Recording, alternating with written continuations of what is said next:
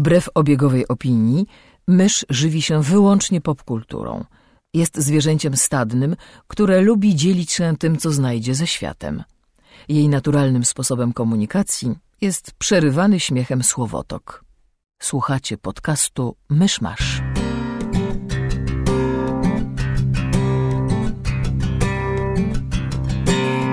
Gospodarzami podcastu Myszmasz są Krzysiek Sera, redaktor portalu Avalon. Kamil Borek ze studia Kobart. i Mysz, autorka bloga Mysza Mówi. Drodzy słuchacze, jest poniedziałek 6 marca 2017 roku, urodziny Michała Anioła i Willa Eisnera. Zapraszam do 174 odcinka podcastu Myszmasz. Przypomnij, kto to jest Will Eisner? E, legendarny amerykański twórca komiksowy. Nagroda, dobra, dlatego dzwoniło. Nagroda jest jego imienia, bo stworzył mnóstwo słynnych komiksów. Mamy jakieś newsy? Mamy newsy. E, Znaczy, ja mam takiego mikronewsa komputerowego. Parę miesięcy temu e, mówiłem o małej grze Morphblade autorstwa Toma Francisa, twórcy Gunpointa, która wtedy była dostępna jako darmowy prototyp, bo po prostu wrzucił ją do internetu na zasadzie grajcie i mówcie, co poprawić. E, A teraz normalnie się ukazała. Jest za tam, nie wiem, parę euro na, na Steamie. E, I strasznie polecam, bo jest, jest fantastyczna. Byłaby jeszcze lepsza, gdyby była mobilna i, i na telefonach. Ale to mo, może w przyszłości. Na razie jest po prostu na, na komputery. Jest bardzo fajna. E, Po szczegóły zapraszam do. Proszę wyszukać na stronie myszmasz.pl hasło Morblade, bo nie pamiętam, który to był odcinek. Ale tam się trochę rozgadałem o tej grze. U, lodówka weszła na wyższy poziom. Ale to już może być słychać. Trudno. E, Tak, w razie czego to lodówka, ani kosmici, ani roboty. tak, my jesteśmy bezpieczni. Póki co. E, to z newsu był jeszcze teaser trailer Deadpoola drugiego. którego w cywilizowanych krajach można obejrzeć przed seansem Le- Logana, ale nie u nas. Czy chyba tylko w jednym, chyba tylko w północnej Ameryce to puścili. No to w dalszym ciągu ze trzy kraje, jeśli cała północna Ameryka. E, to no jest teaser. Są trzy minuty opierające się na jednym rozciągniętym żarcie. Nawiązującym do Supermana. Tak. To znaczy, jeśli to ma być wyznacznik poziomu humoru w, drugim Deadpoolu, to. No to ja miałem serdecznie dość w połowie, a to się nie chciało skończyć. Czy tak, jakby... Znaczy, jakby ja nie mam pretensji o to, że to jest jeden długi żart, natomiast że on nie ma żadnej mocnej puenty. Jakby Tak, nie tak. miałabym nic przeciwko, gdyby ten żart był taki drugi, tak, tak długi, gdyby na koniec był jakiś twist albo jakaś taka mocniejsza puenta, natomiast on po prostu co, Tak, jakby od samego out. początku może się domyśleć, jak to się skończy. I tak, tak, znaczy, jak już tam Deadpool się kładzie potem koło tego faceta i tam zaczyna snuć różne e, swoje teksty, to tam po, potrafią być momentami śmieszne, ale też nie na tyle, żeby uzasadniały tak przyciągnięty dowcip. Znaczy jedyne, co mnie tak naprawdę w tym, tym, tym e, teaserze kupiło, to jest muzyka, bo na koniec wykorzystują motyw You're So Cool z filmu True Romance, który ja strasznie lubię i, i podobało mi się, ale ja jestem, ja jestem, Ja nie zwróciłem uwagi na ja się, ja się daję łapać na takie rzeczy. W ogóle lata się obrodziło trailerami, ale głównie, głównie takimi. E, dru, drugi, Trying, I'm sorry. e, głównie takimi drugimi lub trzecimi zwiastunami fi, filmów, które już jeden czy dwa zwiastuny miały. Alien było- Covenant, Tak. Skull Island, Piraci z Karaibów, któryś już z kolei trailer. Tak, to, to, to były te trzy, które miałem na myśli. Przepraszam. Okej, O! nic. Zgasiłem Krzysia. Przepraszam. I było dużo newsów castingowych odnośnie tych seriali na bazie rzeczy Marvelowych, więc przede wszystkim Inhumans, bo w zasadzie podano już chyba wszystkich głównych aktorów, którzy będą w tych Inhumans grać. I poza Iwanem Rionem, czy jakkolwiek to się wymawia, czyli, czyli, Chyba Ivan. czy, czyli bar, bardzo złym Boltonem z gry o tło- gry o Tłon? Z gry o tł- Tron. Małe! We are gathered here today. E, to, to poza nim praktycznie e, nikt z tych aktorów nic mi nie mówi, jeszcze poza Kenem Longiem, który jest aktorem, którego J.J. Abrams lubił, więc on był w Zagubionych bodajże i był w Przebudzeniu Mocy w jednej scenie w bazie ruchu oporu i tak dalej. I był w tych X-Menach, o których się nie rozmawia. Ken Long był w ostatnim bastionie? Tak, on grał tego, chyba tego X-Mena, który się e, nadymał i miał szpikulce. No, Okej, okay, może. To, Mam to nie wrażenie. był X-Men przede wszystkim, to był co najmniej że jakiś mutant, który się tam przewinął. E, ale może to był on. E, Natomiast e, drugą Marvelową produkcją jest ten jeszcze nienazwany serial Około Mutanci, który ponoć ma być trochę bardziej X-Menowy od Legiona. W sensie ponoć nawet postaci z filmów mają się tam pojawić. Nie. E, I tam ogłosili, znaleźli aktorkę, która zagra Blink. Blink była w Days of Future Past, więc proszę, masz, masz połączenie serialu z filmami. Aczkolwiek oczywiście nie ma powiedziane, że to będzie ta sama Blink, bo oni w tej serii nie duplikowali postacie na lewo i prawo. Jeśli komuś się wydaje, że to będzie ta sama Blink, to Natomiast mnie najbardziej zainteresowało to, że. A, bo w ogóle to jest ten serial, gdzie ma być tam ojciec, matka i dzieci, i któreś z tych dzieci albo wszystkie te dzieci okazują się mutantami, więc oni muszą z nimi uciekać, bo zły żołd je łapie. Jakby autentycznie uważam, że to jest najnudniejszy możliwy pomysł na serial w świecie X-Men, jaki można było wymyśleć, ale może wykonanie będzie dobre. W każdym razie e, matkę ma grać Amy Acker, co jest bardzo miłą wiadomością, bo Amy Acker jest super. I chyba Steven Moyer ma tam też grać. E, tak, Steven Meyer ma grać ojca rodziny. Ale Steven Meyer nie jest tak super jak Amy Acker, co udowodniono naukowo, więc... No tak. E, No to jeszcze pomiędzy poprzednim odcinkiem a tym odcinkiem było ogłoszenie wyników Oscarów, bo o tym nie byliśmy w stanie powiedzieć przy poprzednim tym, tylko że nie wiem, czy mamy cokolwiek ciekawego do powiedzenia na temat tych wyników. Spisek! Przepraszam. Tak, Spisek, spisek i tak. Oczywiście wszystko ukartowane po to, żeby nie wiem.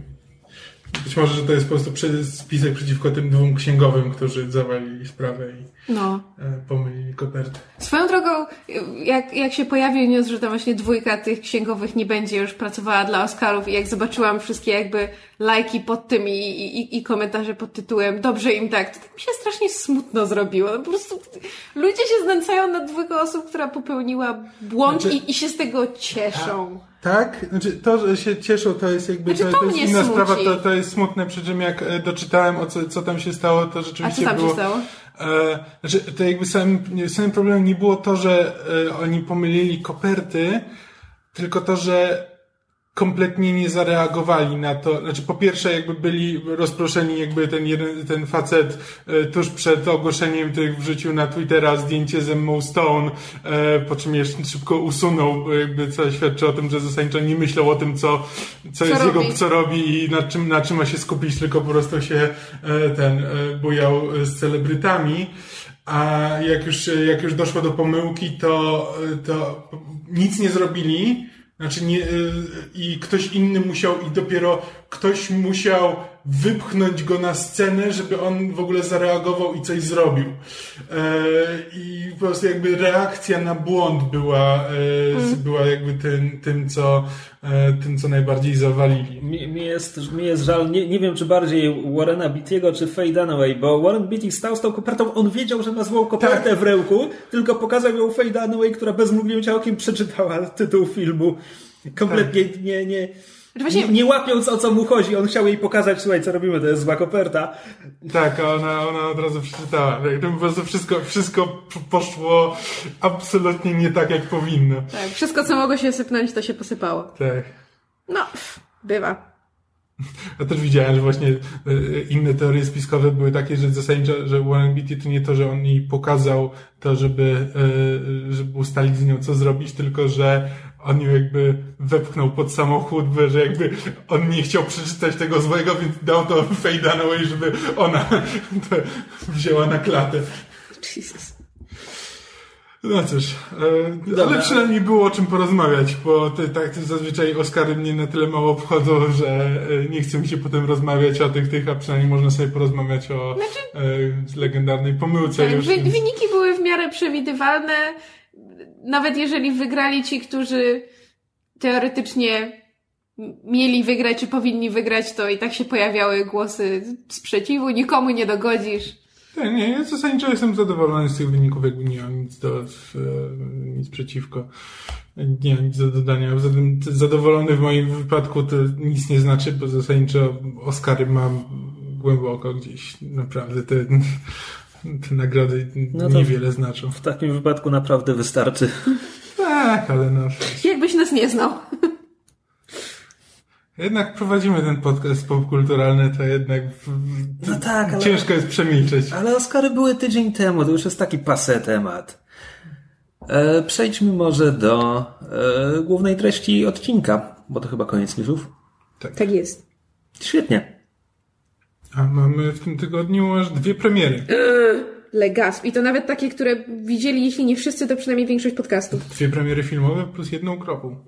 To możemy, to możemy tak pomału dojść do tych nowych rzeczy, a ja zacznę od starocia.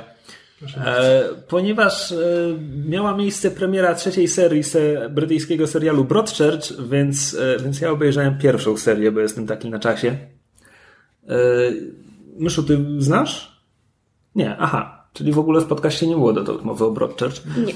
E, Jest to brytyjski serial kryminalny, e, którego akcja toczy się w małej nadmorskiej miejscowości nazywającej się właśnie Broadchurch, w której e, w lipcu, czyli na początku sezonu turystycznego, zostaje znaleziony martwy chłopiec 11-letni. I zasadniczo tak, to jest serial kryminalny. Mamy parę detektywów granych przez Davida Tennanta i Olivia Colman, którzy prowadzą śledztwo. Ale to przede wszystkim jest serial o tym miasteczku, o społeczności, e, w której jakby takie rzeczy nigdy wcześniej się nie działy. Jakby tam policja zajmowała się, nie wiem, łapaniem złodziei rowerów i tego typu. Komuś uciekł kurczak. E, Więc teraz dochodzi, dochodzi do morderstwa, no i nagle się okazuje, że w miasteczku, w którym wszyscy się nawzajem znają, każdy ma sekret, każdy jest podejrzany. I serial jest właśnie bardziej portretem całej społeczności i tego, jak takie morderstwo na nią wpływa i, i toczące się później śledztwo i burza medialna, która, która się rodzi wokół niego e, niż jakby stricte serialem kryminalnym Kto zabił i, i dochodzeniem do, do wyjaśnienia sprawy. E, I jako portret miasteczka jest świetny, bo to jest naprawdę e, to naprawdę jest taki e, no, ensemble, tam, się- tam się wszyscy liczą, tam się liczą wszyscy aktorzy, tam się liczą wszystkie postaci. E, i takich jakby pierwszoplanowych postaci tam jest stuzin, spokojnie. E, I jasne, jakby postać, postać Tenanta jest takim, bo on, je, on jest detektywem z zewnątrz. On, on przyjechał tam, przy, przyjął, przyjął posadę detektywa, wcześniej prowadził inną sprawę, gdzie nie doszło do skazania, więc tam ciągnie się za nim nagłówek prasowy najgorszy gliniarz w Wielkiej Brytanii. Ojej. E, więc on, on, jest, on jest osobą z zewnątrz. Olivia Colman gra detektyw, która pochodzi z tej miejscowości, wszy- wszystkich zna, wszystkich lubi. E, więc jest, jest też taki fajny konflikt charakterów między nimi, bo Tenant jest tym zgorzkniałym szkotem, a ona, ona mi bardzo przypomina postać Frances McDormand z Fargo, czyli takiej e, detektyw, która e, jest, jest taka jakby radosna, wszystkich, wszystkich miło, miłowita, jest dla wszystkich ciepła. E, Tylko McDormand zasadniczo kończy Fargo z niezmienionym nastawieniem do świata, a w Broadchurch sprawy wyglądają inaczej. A, tak, więc pod tym względem jest super. Jest, są fantastyczne postaci, świetnie zagrane. e, Chemia między Tenantem i Coleman jest, jest cudowna. E, Jest też fajne poczucie humoru, bo to jest zasadniczo, to jest zasadniczo taki też przygnębiający serial, bo jasne, to nie jest ciemna szwedzka wioska, tylko, tylko masz piękne słońce i, i lato nad, nad, e, nad oceanem. E, Ale jest, no zasadniczo wydarzyło się coś strasznego, życie tych ludzi już nigdy nie będzie takie samo i tak dalej. Ale jest tam, są tam sceny wypełnione fajnym humorem. i to się bardzo sympatycznie ogląda. Natomiast jako kryminał to ja mam sporo zastrzeżeń. E, głównie dlatego, że e, ma strasznie oczywiste zmyłki. Te, te, te tak zwane czerwone śledzie są po prostu boleśnie oczywiste. I na zasadzie przez pierwsze dwie trzecie serialu, jak serial mi podtyka postać i, i kamera pokazuje, jak ona się wychyla z jakiegoś wełgła i coś, i ten serial krzyczy, patrz jaka ona jest podejrzana, a ja mówię, mhm. Słuchaj, ja oglądałem Scooby-Doo, kiedy byłem mały, ja wiem, że to nie jest ta postać. E, tak. Natomiast, e, cóż, cóż mogę dodać? E, I tak jest super. Strasznie mnie wciągnął, tak jak jakby, wiecie, że ja od seriali się odbijam. Nie oglądam zdecydowanie więcej seriali niż oglądam. E, I Broadchurch mnie wciągnęło. Zacząłem oglądać drugi sezon i on aż tak mnie nie wciąga, bo drugi sezon jest trochę dziwny, bo z jednej strony jest bezpośrednią kontynuacją pierwszego, tylko teraz jest proces osoby, którą złapali e, w pierwszym sezonie, więc jest jakby takim sequelem, a jednocześnie ta sprawa, która się ciągnie za detektywem Tenanta też, też wraca, bo tam się pojawiają jakieś nowe fakty e, i on liczy, że jeszcze zdoła ją rozwiązać. I to jakoś na razie po dwóch odcinkach to mi się, to mi się nie składa jeszcze w konkretną całość. Natomiast w drugim sezonie, e, a propos świetnej obsady, pojawia się James Darcy, którego nigdy nie widziałem w roli palącego papierosy twardziela. E, I jest to strasznie sympatyczne. Nie tak, no jak James Darcy. Grał e, Jarvisa, Jarvisa w Agence Carter. A, okej. Okay. No, gra, We like him. Grał też E, grał też w Hitchcocku z Antonym Hopkinsem, tam grał Antoniego Perkinsa, czyli aktora, który grał Rzeczywiście. Tytuł. Grając z Antonim Hopkinsem grał Antoniego Perkinsa. No, Anthony Perkins był aktorem, który grał w Psycho Hitchcocka. Tak. Grał... E, Normana Batesa. Właśnie. E, nie, James Darcy jest świetnym aktorem, tylko zawsze kojarzyłem go z rolami takich wycofanych, no tak. e, ułożonych, tak. A tutaj gra jakby zdecydowanie wbrew temu i jest to strasznie fajne. No plus jakby oglądając Broadchurch wreszcie tak naprawdę zrozumiałem, co, co Zwierz ma na myśli pisząc, że w Anglii jest pięciu aktorów, bo, bo naprawdę są tam wszyscy. No i to jest Broadchurch. Polecam. Krzysztof Ceran. Szczególnie pierwszy sezon, drugi, jak skończę, to dam znać, a trzeci będę też jakoś po fakcie nadganiał pewnie. A propos tych pięciu brytyjskich aktorów, to ja jakiś czas temu e, obejrzałem taki e, sketch show, który miał jeden sezon. E, nazywa się Bruiser i zasadniczo gra w nim David Mitchell i Robert Webb z innego programu sketchowego That Mitchell and Webb Look. tak naprawdę oni mieli ze trzy różne seriale, w których razem występowali. E, tak. I które razem tworzyli zresztą. No tak, oni przez długi czas były takim duetem po prostu. I tylko, że oprócz nich e, gra tam też e, Olivia Colman, która też grała u nich w, tych poprzednich i e, o, Martin Freeman. I to, to, jest, to jest wyjątkowo głupi sketch show. Znaczy, to jest jeden z tych sketch showów, które nie mają puenty, E, w dodatku e, jakby normalne jest, że jak jest sketch show, to e, na przykład w odcinku jest jeden powtarzany żart, który tam na przykład pojawia się gdzieś tam na początku, po czym w środku i na końcu i tak zazwyczaj w trójkach. Tutaj jest tak, że zasadniczo cały sezon składa się z nie z pojedynczych skeczy, tylko z takich serii skeczy, które wracają nie tylko w ramach jednego odcinka, ale w ramach całego sezonu i są powtarzane na różne sposoby. Tylko, że nigdy nie są powtarzane na interesujące sposoby. Znaczy, zazwyczaj to jest po prostu ten sam dowcip, tylko tam w jakiejś innej scenerii. E, I jakby. I te, i te. Ja nie wiem po co. Te... Ja to obejrzałem. Tak, nie wiem po co ja to obejrzałem. E, tylko po to, żeby zobaczyć, jak Martin Freeman się wygłupia jeszcze zanim był sławny. E, I robi z siebie idiotę. Co się zawsze miło ogląda, bo, bo Martin Freeman e, umie robić z siebie idiotę i się tego nie boi, więc to jest zawsze bardzo miłe. ale to, ale jakby w porównaniu z właśnie na przykład tym That Mitchell Web Look albo That Mitchell Web Situation, to, to jest nie była ziemia, bo jakby w, w jakby skecze, skecze właśnie Mitchella i Weba w tych poprzednich serialach zazwyczaj miały coś do powiedzenia i jakby czasami były po prostu głupie i śmieszne, a czasami były śmieszne i mądre. E, ale przede wszystkim zawsze były śmieszne. A tutaj w tym bruzerze one zawsze są głupie, a w dodatku czasami są nieśmieszne. E, I to, tylko chciałem wspomnieć po prostu, jak ktoś chce zobaczyć Martina Freemana wygłupiającego się w czasach przed swoją sławą, to jeden odcinek można obejrzeć. Ja się szczerze powiem, że tak jak bardzo lubię Davida Michela, tak on się nazywa Robert Webb? Tak. On, on, on mnie nie przekonuje. Bo oglądałem na wyrywki jakieś skecze z Michelem Webb Show i tam jeden na cztery mi się podobały.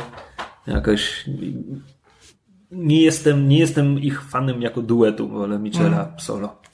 No, ja też zdecydowanie e, bardziej, ale zazwyczaj ich, ich skecze mi nie bawiły. No, to ktoś jeszcze coś ma? To na jakiej premierze byliście beze mnie? Bez ciebie byliśmy na Trainspotting 2. A, Czy tam te, te dwa Trainspotting, bo nawet nie wiem, jak oni ten tytuł uznają. Myślałem, że na pokot się wybraliście. E. e. Słyszałem dobre rzeczy. Ja słyszałam dobre rzeczy o Kiri Skłodowskiej, ale też pewnie się nie wybierzemy. Bo okay, w to akurat nie wierzę. A wiesz co, to jest wbrew pozorom, to jest film, znaczy inaczej, to jest film francuski, gdzie grają polscy aktorzy. Which could make it worse. Tak, to jest francuska pretensjonalność z polskim aktorstwem, więc... Yeah! Z drugiej strony, jak byliśmy, jak byliśmy na Loganie, to żeśmy patrzyli na, na plakat tego filmu chyba nie, nie miłość to nie wszystko, wszystko za miłość, coś takiego, który jest podobno czeską komedią romantyczną, w której grają Paweł Delong i Michał Żebrowski. Cośmy się śmiali, że trzeba by się wybrać, bo to może być podwójnie śmieszny film. Mm -hmm. Ze względu na to, że jest czeski. No, tak, w przeciwieństwie od nas Czesi potrafią kręcić komedię. Tak, mm. więc być może niedługo Myszmasz pójdzie razem na polski film. Legacy. Polski. Znaczy, ja będę wtedy w Austrii, ale szerokiej drogi. Zawsze musi być wbrew. Dobra, a co do Trainspotting? Krzysiek, czy, czego byś się spodziewał, jakbyś tak miał zrecenzować Trainspotting 2, nie widząc go nigdy, czego byś się spodziewał po tym filmie? Rany boskie. E, szkockich przekleństw i ludzi w wieku 40 plus zastanawiających się, co się stało z ich młodością i, i w ogóle. Okej, okay, blisko. 9 na 10, well done. I jak myślisz, jak to wyszło? Wiesz co, ja ci szczerze powiem, że ja pierwszy Trainspotting widziałem chyba 15 lat temu a, okay. i w ogóle nie pamiętam. Spoko, więc... my też, a ja zapomniałam, znaczy zapomniałam, nie, nie zdążyłam się, obejrzeć jedynki. To sobie przypominałem Trainspotting gdzieś po drodze, ale tak, ale też nie pamiętałem, co, co tam się do końca wydarzyło. Znaczy, o dziwo pamiętałam na tyle dużo, że rozpoznawałam aktorów i postaci, którzy jakby, znaczy, jak było jakieś odniesienie do jedynki, to nawet jeżeli nie pamiętałam do końca do czego się odnosi, to mniej więcej byłam w stanie wyłapać, ale wiem, że na pewno nie wszystkie. Część aktorów na pewno rozpoznałam. Znaczy, tak, przede wszystkim e, zdecydowanie warto sobie przypomnieć jedynkę tak. przed dwójką, bo jednak film e, nie, nie oszczędza tych widzów, którzy nie widzieli jedynki e, i, i ta znajomość, znajomość tego filmu przydaje się do jakby zrozumienia o co chodzi. A mi, przy tym, mimo że tak jest, to wydaje mi się, że ten film y, oceniłbym zdecydowanie lepiej, gdyby nie był podczepiony pod teraz już można powiedzieć markę Trainspotting. E, bo, bo to jest dobra komedia, nie najgorszy film. E, bardzo, bardzo dobrze zagrany, no bo jakby aktorów mamy z najwyższej półki.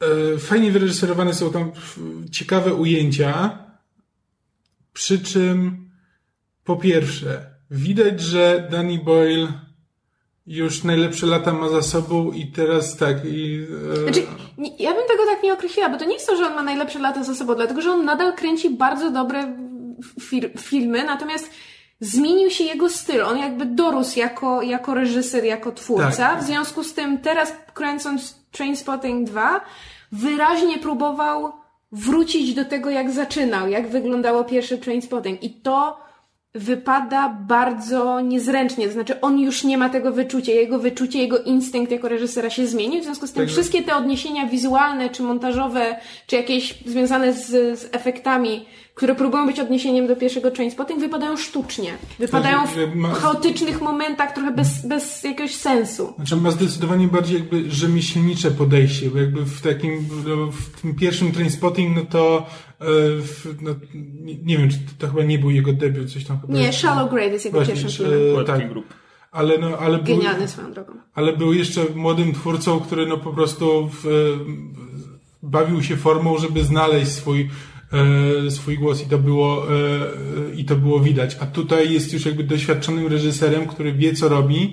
Jakby te e, właśnie i kiedy stara się jakieś takie nietypowe ujęcia znaleźć, to jednak widać w tym, że one są one są zbyt przemyślane, że wszystko jest jakby tak e, trochę zbyt, zbyt ładne, e, żeby, żeby mogło być e, nietypowe i e, dziwne i coś, co, czego nigdy wcześniej nie widzieliśmy.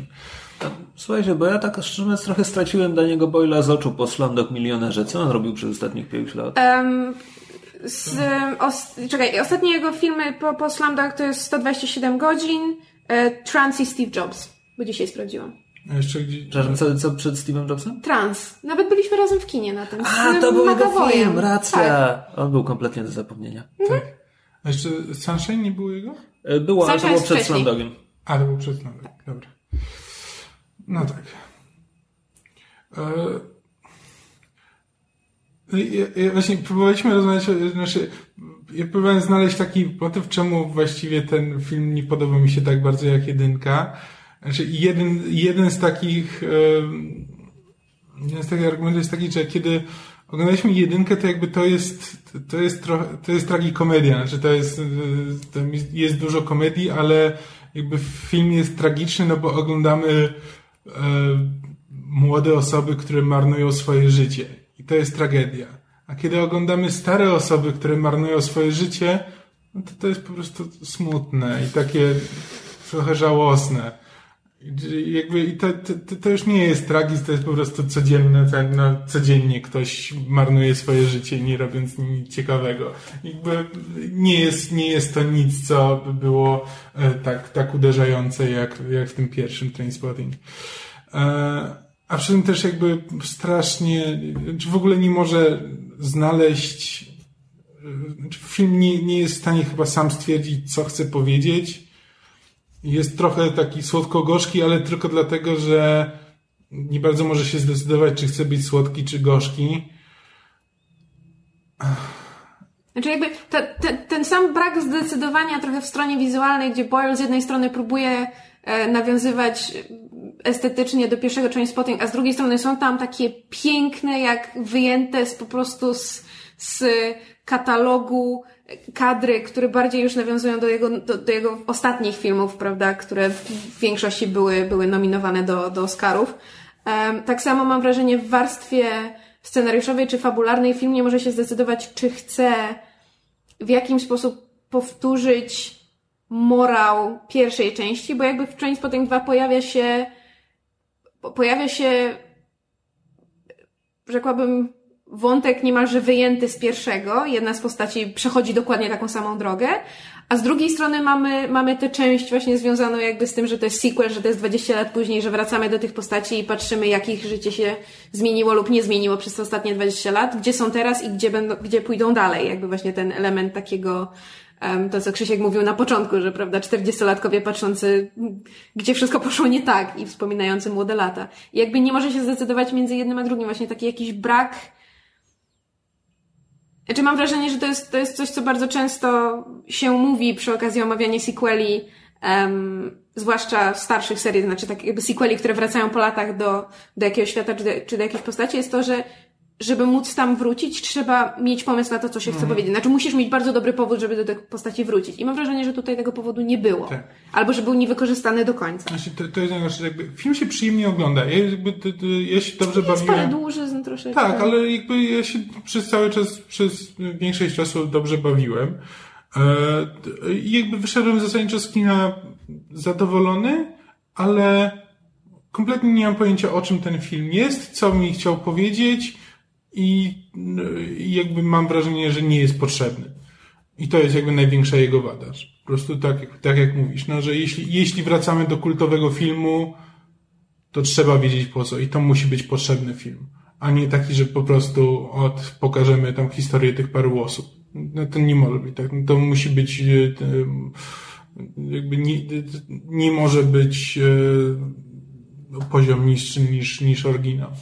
Znaczy, mam, mam takie wrażenie, że taki pierwszy Trainspotting był właśnie, oprócz tego, że Boyle jakby wtedy i nie wiem, czy szukał swojego stylu, języka, eksperymentował, w każdym razie bawił się tą formą, to była jakaś no tak jak jakby jego bohaterowie się buntowali przeciwko, prawda, nie wiem, mainstreamowi, establishmentowi i, i, i wszystkiemu poprzez branie narkotyków i taki nie, nie inny styl życia, tak samo film próbował być w jakiś sposób buntem, rewolucją, jakby przecież cały ten szpil e, filmu pod tytułem Choose Life, no to to jest, prawda, wszystko wbrew, na zasadzie nie, nie wiesz, wybierz życie, nie, nie, nie żyj um, od, od prawda, dziewiątej do piątej, nie bądź korposzczurem, prawda, nie, nie miej białego domku z białym płotkiem, trójki dzieci i tak dalej, i tak dalej. I jakby pierwszy film próbował się przeciwko temu buntować.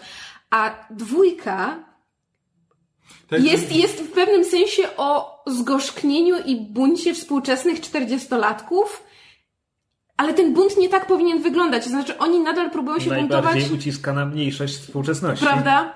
E, jakby ich bunt Biorąc pod uwagę... 40-letni mężczyźni. Heteroseksualnie jeszcze na dodatek. Oh, damn it.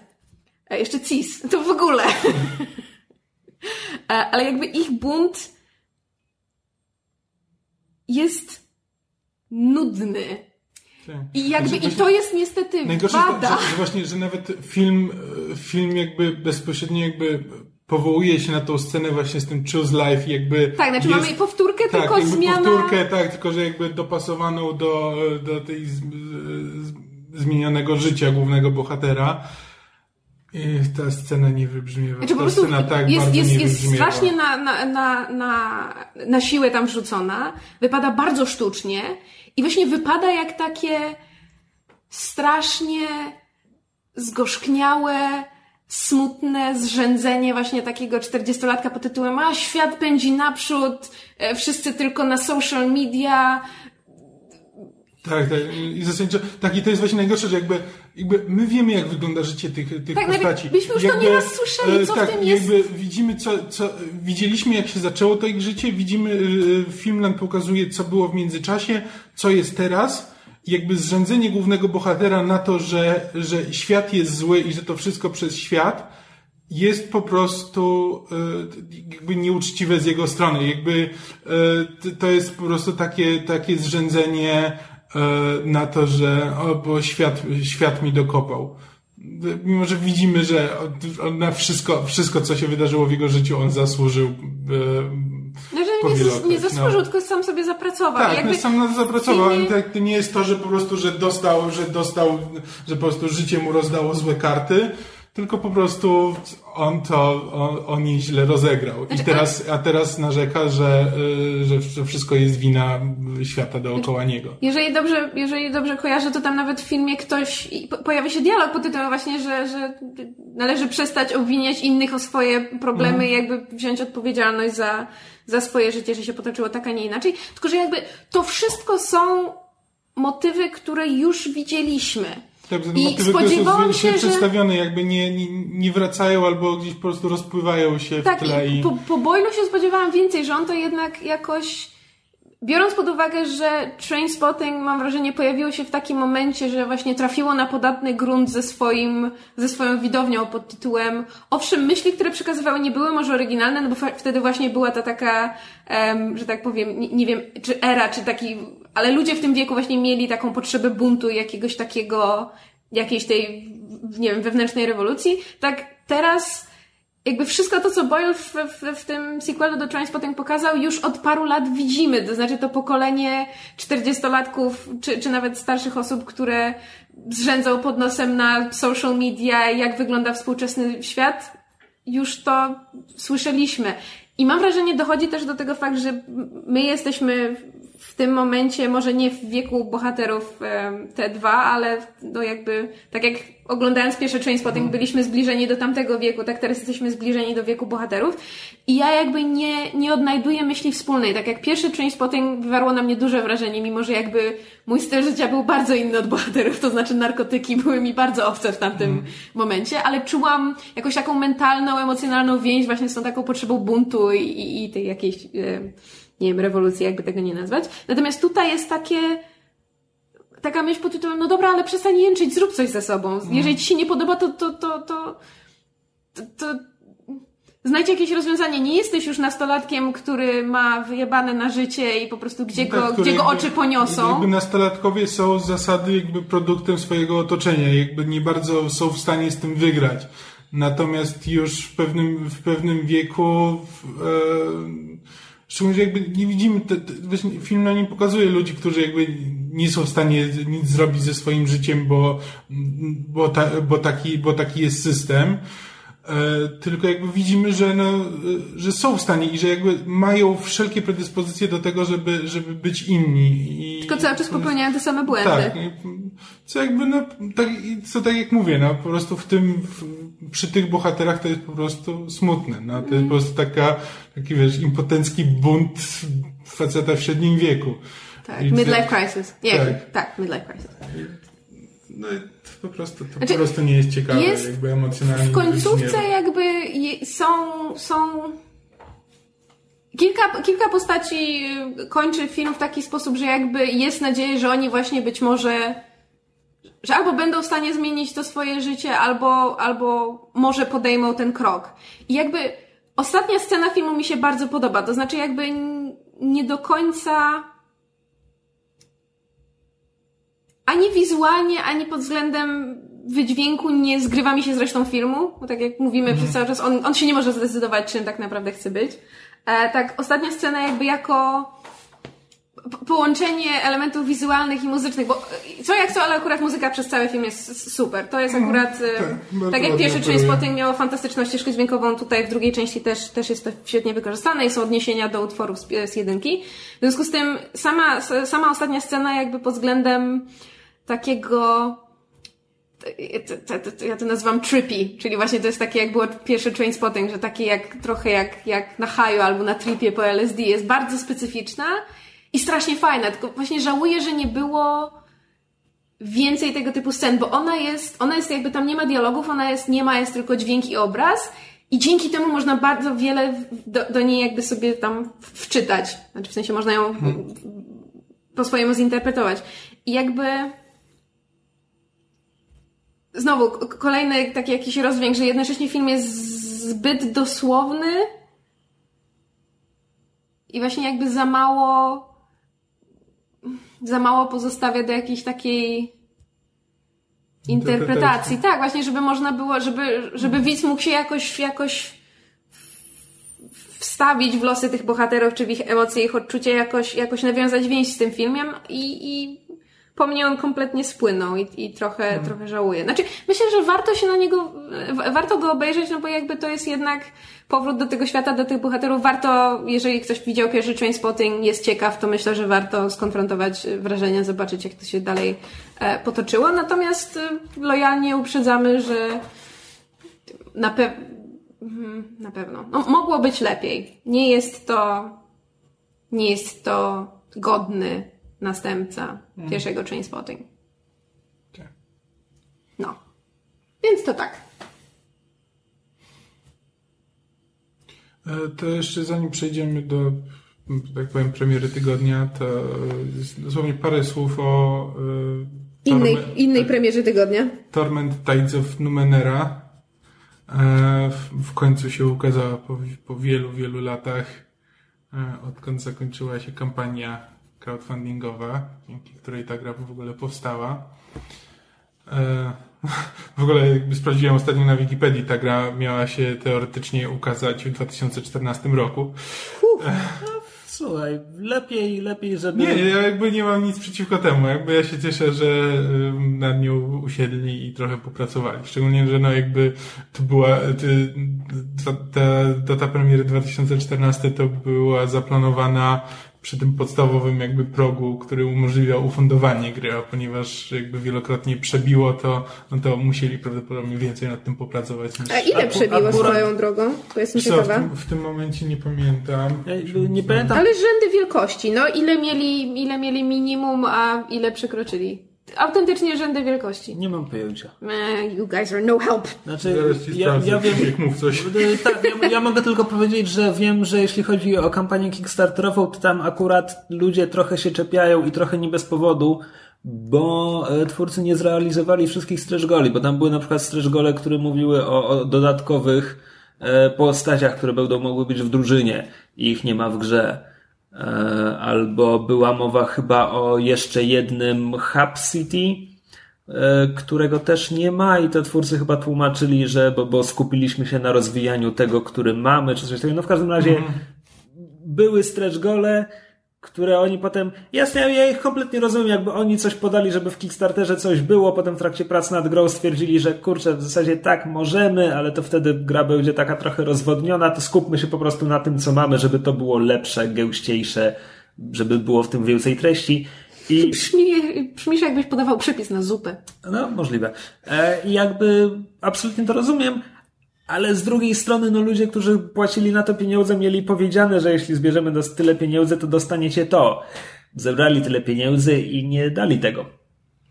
Więc to jest taki trochę de- Tak, no, detalik. to, jest, to jest niestety normalne w, w kampaniach crowdfundingowych. E, No ale tak, ale to nie zmienia faktu, że szkoda. A pytałaś o rzędy wielkości, no więc y, do, celem było 900 tysięcy dolarów, a uzbierali ponad 4 miliony. Uuu, snap. Czyli cz- cztery razy tyle, ponad. Nice. Wiesz co, bo mówimy o duchowym spadkobiercy jednego z najbardziej ukochanych komputerowych RPGów ever. Wiem, właśnie stąd było moje pytanie, bo byłam bardzo ciekawa jakby o rząd wielkości. To też to- sporo mówi na temat nostalgii do tej gry. Ja, ja bym powiedział, że jakby jest taka osobna kategoria gier, które w zasadzie są książkami, ale, ale jednak są grami. I to jest, to jest Torment, a potem długo, długo nic, a potem 80 Days. Tak. No dobra, więc e, może, może zacznijmy od najważniejszego. Oto po 20 latach niemalże przychodzi duchowy spadkobierca Planescape Torment. I, i, i jak mu się spadło temu spadkobiercy? Really? Gdzieś ktoś krzyczy wody.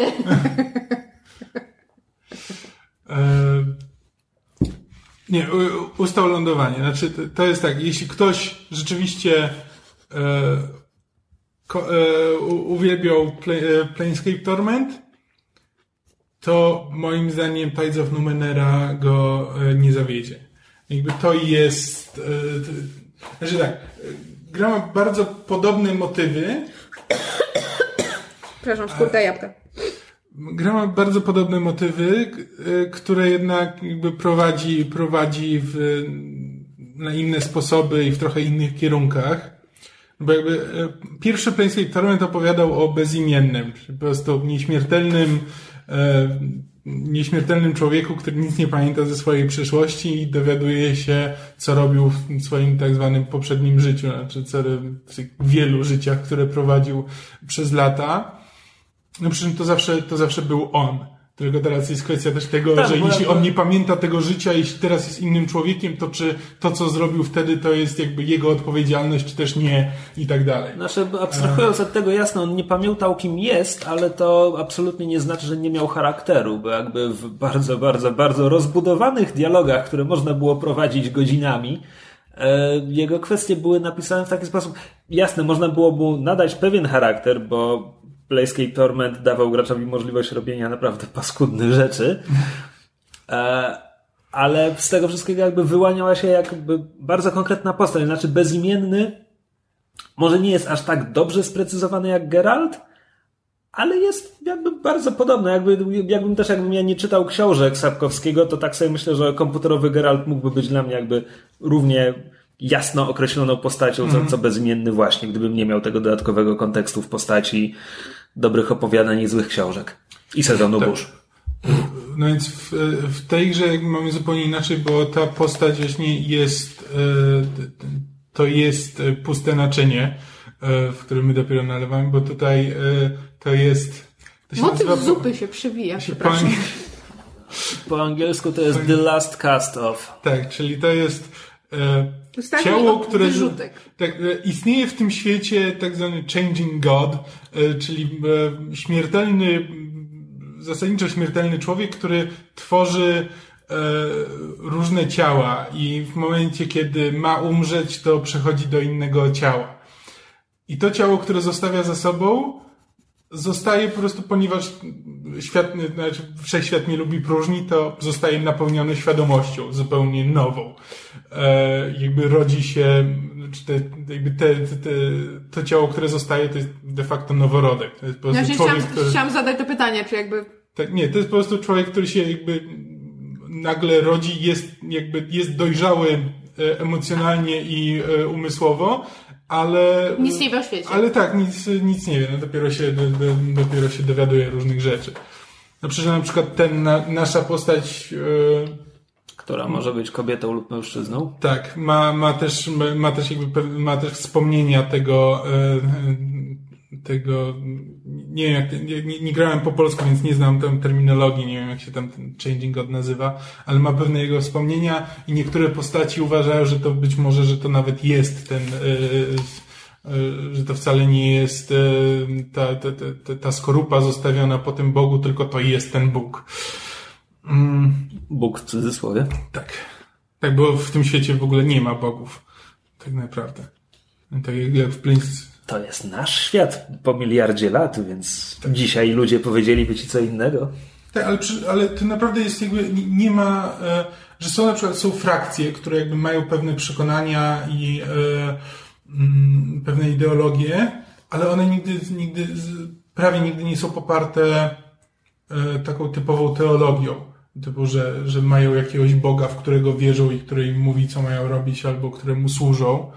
E, czyli jest frakcja, która właśnie, e, która jakby mm, czci właśnie tego Changing Goda, który tak naprawdę nie jest Bogiem, e, ale też wiele, to mamy, niektórzy właśnie obarczają go taką właśnie boską, sprawczą mocą i uważają go za bóstwo, a inni po prostu są zafascynowani istnieniem takiego człowieka i po prostu chcą się dowiedzieć o nim więcej, jakby ta, dla nich ta religia w tym momencie nie ma żadnego znaczenia. Ja mam takie trochę wrażenie, że teologia nie interesuje Montekuka, bo w podręczniku do Numenery nie ma żadnych religii opisanych. bo tam po Jest powiedziane, że w jakby- świecie są jakieś lokalne kulty. Tak, ale jakby nie ma czegoś takiego, że po prostu, że mamy jakichś bogów, którzy patrzą na to wszystko i y, y, ludzi, którzy w ich imieniu toczą, toczą wojny. Jakby jeśli są wojny, to zazwyczaj są podyktowane ideologią, a nie religią. Znaczy, i, jakby opowiadanie o tym świecie to jest, to jest zupełnie, Posłuchajcie sesji na podsłuchu. na przykład, Właśnie. możecie, to się trochę, to się trochę dowiecie. E, ale, Shameless plug, shameless plug. e, ale tam jest tak dużo różnych pomysłów. E, I my już przy, przy opowiadając o papierowej numerze mówimy, że to, to jest taki zlew fantasy, gdzie jakby... Gdzie Science fantasy. Science fantasy, tak, gdzie może się znaleźć wszystko. E, I można, można tam opowiedzieć praktycznie każdą historię, jakby stworzyć e, dowolne, e, dowolny twór właśnie z pogranicza fantasy i science fiction, jak się tylko chce. E, no i ta gra też taka jest. Tam jest. tam jest taka masa pomysłów. Znaczy, z kim byśmy nie porozmawiali, jeśli zaczynamy rozmawiać z jakąś postacią, to ona wprowadza zazwyczaj jakiś koncept, e, jakąś ideę, która spokojnie mogłaby być zalążkiem e, osobnej historii. Czy opowiadania, czy nawet całej powieści, ale, e, ale bez problemu. Mm, To, to może być zupełnie. No, to jest jakby zazwyczaj mamy do czynienia z nowatorskimi pomysłami albo jakby nowatorskimi wersjami starych pomysłów. I tak, jako gra, znaczy jeśli ktoś na przykład, nie wiem, jest fanem mechaniki D&D e, i w, e, tak, pamięta Baldura i lubił e, w Baldurze chodzić i walczyć i lubił mechanikę walki, albo na przykład e, jest fanem Dragon Age'a właśnie ze względu na mechanikę, a niekoniecznie samą fabułę, no to tutaj się zawiedzie, bo bo mechanika jest... E, Uproszczona? Tak, uproszczona do granic możliwości. Znaczy mamy Żeby nie powiedzieć walkę, szczątkowa? Mamy walkę turową, mamy umiejętności, które możemy w tej, z których możemy w tej walce korzystać. E, I tyle. I to jest tutaj zasadniczo cała mechanika, jeśli chodzi, jeśli chodzi o walkę. Ale nie o walkę w tej grze chodzi. Bo najważniejsze, najważniejsze jest rozmawianie, rozmawianie, rozmawianie i czytanie. Location, location, location. Tak, bo spędziłem nie wiem ile, bo niestety zapomniałem wyłączyć gry, więc w tym momencie pokazuje mi, że grałem w tę grę 38 godzin, co nie jest prawdą. E, ale, na, ale w, pierwszym, w pierwszym mieście spędziłem wiele, wiele godzin, e, przynajmniej 10 po prostu chodząc i rozmawiając ze wszystkimi. Znaczy tutaj typowo dla tych, tych staromodnych RPGów e, jakby wiesz, że możesz z kimś porozmawiać e, głównie dlatego, że ma imię. Masz po prostu na planszę, po planszy biegają różne postaci, ale wiesz, że jeśli ktoś się nazywa mieszkańcem Sagus albo kupcem, to znaczy, że z nim nie porozmawiasz. Natomiast jeśli nazywa się Oroboro, to znaczy już, że pewnie macie coś do powiedzenia i tu się zacznie jakiś quest. Chociażby to, że nazywa się Oroboro. No tak. Ja ten, um, ponieważ Torment Tides of Numenera jest zrobione na tym samym silniku co Pillars of Eternity. Różni się drobnym faktem, to znaczy Pillars of Eternity działało na 32-bitowych systemach operacyjnych, a Torment nie. Więc ja w tym momencie znam Tormenta z drugiej ręki i poczytałem sobie recenzję. Eee, z, z, dwóch źródeł, które uznaję, czyli PC Gamera i Rock Paper Shotgun. I e, jeśli chodzi o długość gry, to tam była mowa, że to jest około 35 godzin, jeśli chcesz pogadać ze wszystkimi, z kim da się pogadać i tak dalej, poznać jak najwięcej gry ale że w zasadzie można ją ukończyć w 12, jeśli po prostu idziesz do końca gry. Tylko, że wtedy grasz źle. No.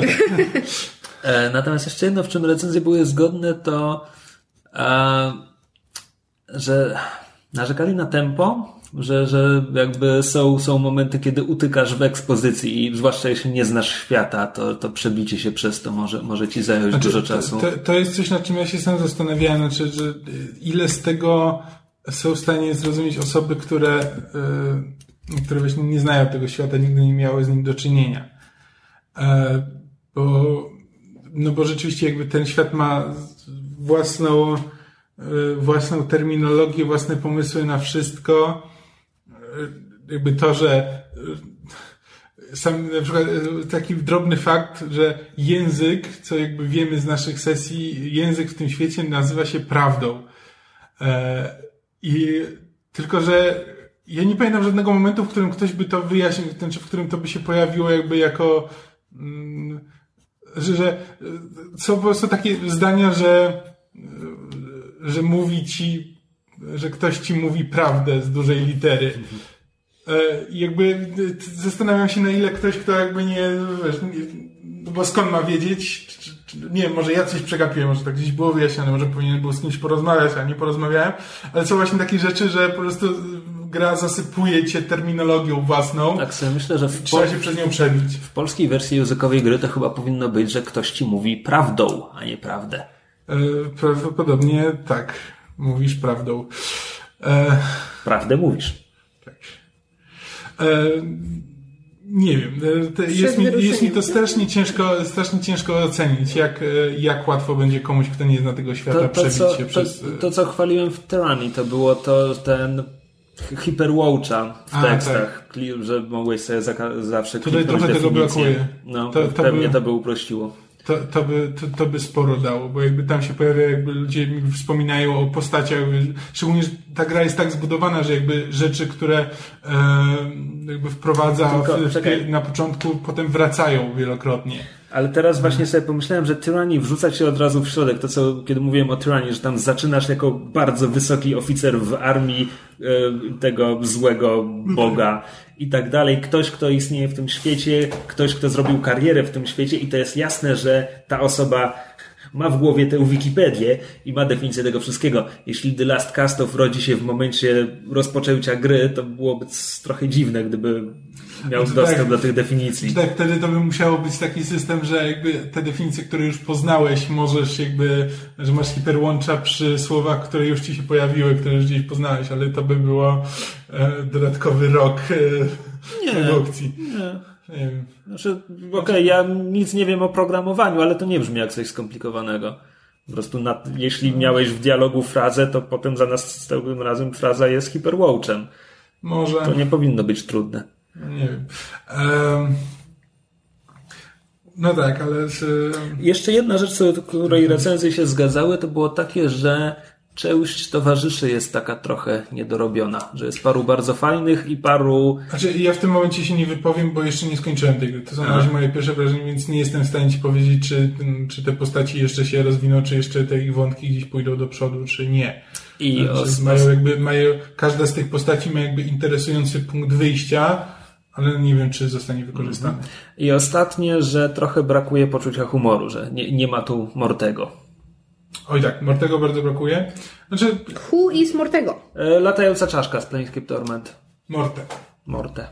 Tak, który jakby latał za tobą i dogadywał za każdym Pierwszy, razem. pierwszy towarzysz, którego poznajesz w grze na samym początku gry. Sidekick. Tak, tylko potem okazuje, bo widzisz, Spoiler? e, bez, bezimienny budzi się e, w kostnicy, e, w kostnicy przylatuje do niego czaszka, bezimienny nawiązuje rozmowę z czaszką, czaszka mu mówi, słuchaj, ty masz całe plecy wytatuowane, okej, czy możesz mi przeczytać, co tam jest? I tam są jakieś różne instrukcje, tam poszukaj Faroda, on wie coś tam i tak dalej. Trochę jak w Memento. Memento jest chyba późniejsze od Playscape Torment.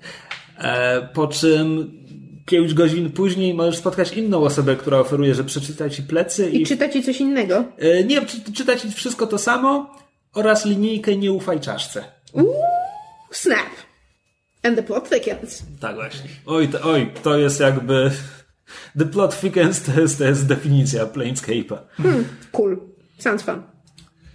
E, tak, znaczy są tam wątki humorystyczne, zazwyczaj jakby wynikające z, z konkretnych postaci, znaczy z, że mamy po prostu postaci, które myślą w bardzo specyficzny sposób, znaczy mamy na przykład, nie wiem, postać, która prowadzi narrację, zamiast mówić ci coś, to, to prowadzi narrację tego, jak rozmawiacie. I, e, albo e, osoba, która ma w głowie dwa różne głosy, jakby to jest szczególnie interesujące, kiedy masz e, możliwość czytania myśli, jakby można, jeśli gra się nano, czyli tamtejszą wersją maga, powiedzmy, technomaga, e, to można wybrać czytanie w myślach, E, I na przykład wtedy widzimy, co nam postać mówi, po czym widzimy, jak dwa głosy w jej głowie kłócą się o to, co ona właśnie powiedziała.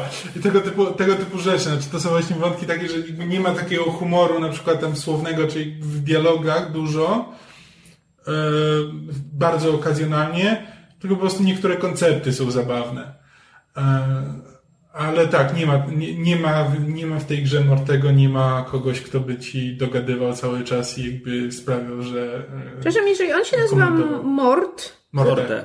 z E na końcu, Tak. to to się powinno czytać Mort i powinno być, że szkoda, że nie ma Morta, a nie Mortego. No bo to jest nawiązanie, no, jeżeli to jest latająca czaszka, która się nazywa mor, pisany Mort, no to to jest śmierć. No to się pewnie czyta Mort, więc odmiana powinna być inna. Co, ja mam w głowie... Lingwiści. Ja mam w głowie Mortego, bo mam wrażenie, że tak było w polskiej wersji gry. Aha, okej. Ale, ale nie grałem w polską wersję gry od kilkunastu lat, więc też trudno mi powiedzieć. Ostatnio jak sobie przypominałem, to, to po raz pierwszy grałem w angielską. Tak, No ale jakby cała mechanika jest jakby nastawiona na rozmowy i na testy umiejętności. I, i tak, no jeśli, jeśli ktoś chce w to pograć, żeby powalczyć, no to nie, nie, niech raczej sięgnie właśnie po Pillars of Eternity czy Tyranny. E, a ty, a to Pillars jest- of Eternity, jakby w Tyranny też jest dużo czytania. Nie, ale no tak, no dużo czytania.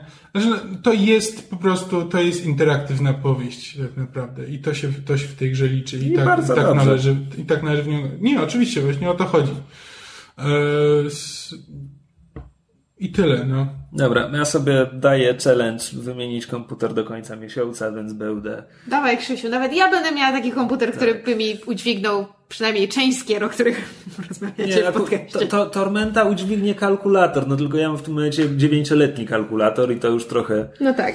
To jest pewien problem. Przy- Jeszcze, e, Nie, jednak, dobra, siedmioletni. Jedna kwestia, którą warto rozważyć, to jeśli ktoś nie grał w Planescape Torment, a coś takiego, a nie wiem, zainteresowało go, e, zainteresowało go Torment Numenera, to e, długo nad tym myślałem, bo nawet rozmawialiśmy o tym z Ocią, ale rzeczywiście chyba e, lepiej sięgnąć po Planescape Torment. Naprawdę? Czemu? E, s-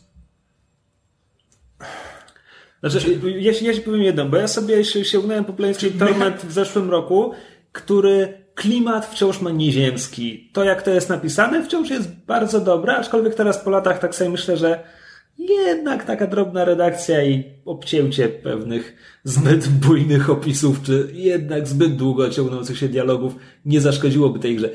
Natomiast mechanicznie to jest padaka, Nie, no to jest... mechanicznie, znaczy, jeśli się trzeba przebrnąć przez walkę, no czym jeśli się przebrnie przez walkę, wydaje mi się, że e, Planescape Torment jakby jest znacznie spójniejszą historią, mimo że jakby ma tam ogrom wątków, e, to razem, two, razem tworzy jakby spójną historię właśnie tego bezimiennego. E, Natomiast Numenera ma bardzo dużo właśnie interesujących wątków, które jakby są historiami sami Nie, sobie. nie związanymi ze sobą. Ale jakby ponieważ właśnie grasz y, tą, tą, tą postacią, która jest y, jakby nie ma jakby własnej historii, ma tylko historię swojego pana, kogoś, kto ją stworzył, jakby chodził tymi drogami, które, y, którymi ona chodzi, y, to jakby y, wydaje mi się, że mimo wszystko Planescape y, pokazuje bardziej interesujący, interesujące postaci i świat, świat jest porównywalny, znaczy zarówno, szczególnie, że jakby Numener, e, jakby Tides of Numenera e, bardzo mocno moim zdaniem czerpie z Planescape'a i jakby jest w stanie e, przedstawić, gdyby chciała, to można by było zremakeować po prostu Planescape Torment w świecie Numenery i po prostu pokazać tę samą historię. E, Nic nie stoi na przeszkodzie, żeby, żeby po prostu zrobić dokładnie to samo, co było w Planescape'ie e, w świecie Numenery, więc jakby światy są, światy są porównywalne. Nie jestem w stanie powiedzieć, czy Planescape jest ciekawszym światem, czy Numenera jest ciekawszym światem. Oba są, oba są dla mnie równie ciekawe. Bezimienny jest ciekawszą postacią niż, e, niż Last Cast Off.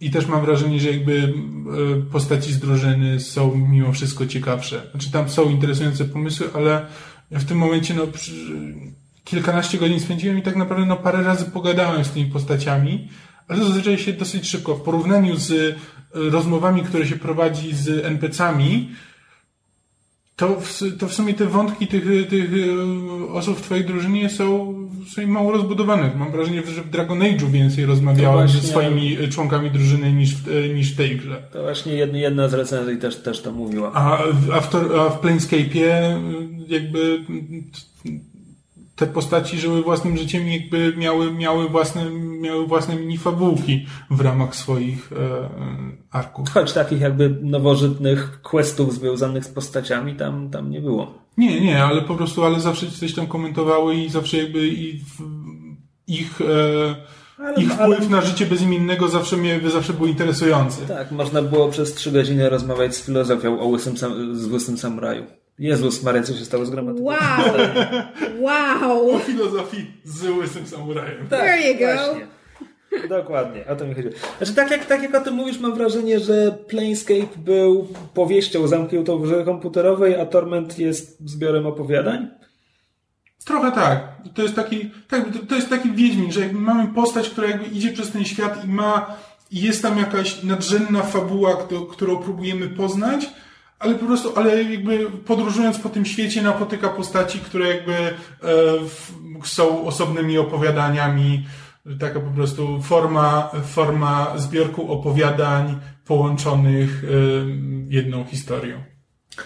No dobra, no ja na pewno za miesiąc, dwa postaram się mieć swoje uwagi i przemyślenia na temat.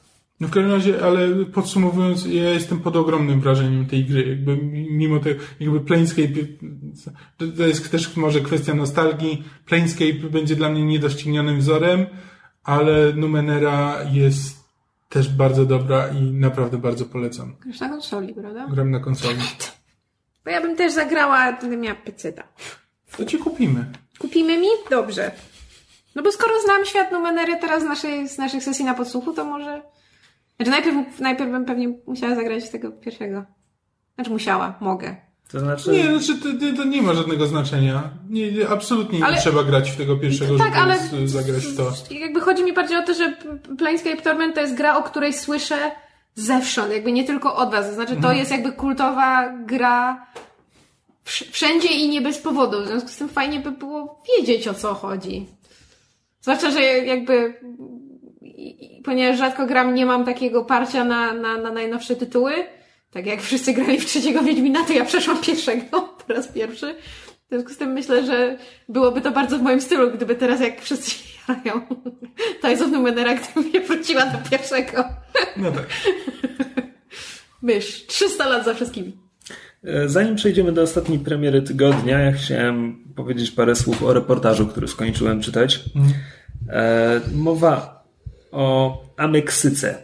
Podtytuł Wojna wzdłuż granicy. To jest reportaż autorstwa Eda.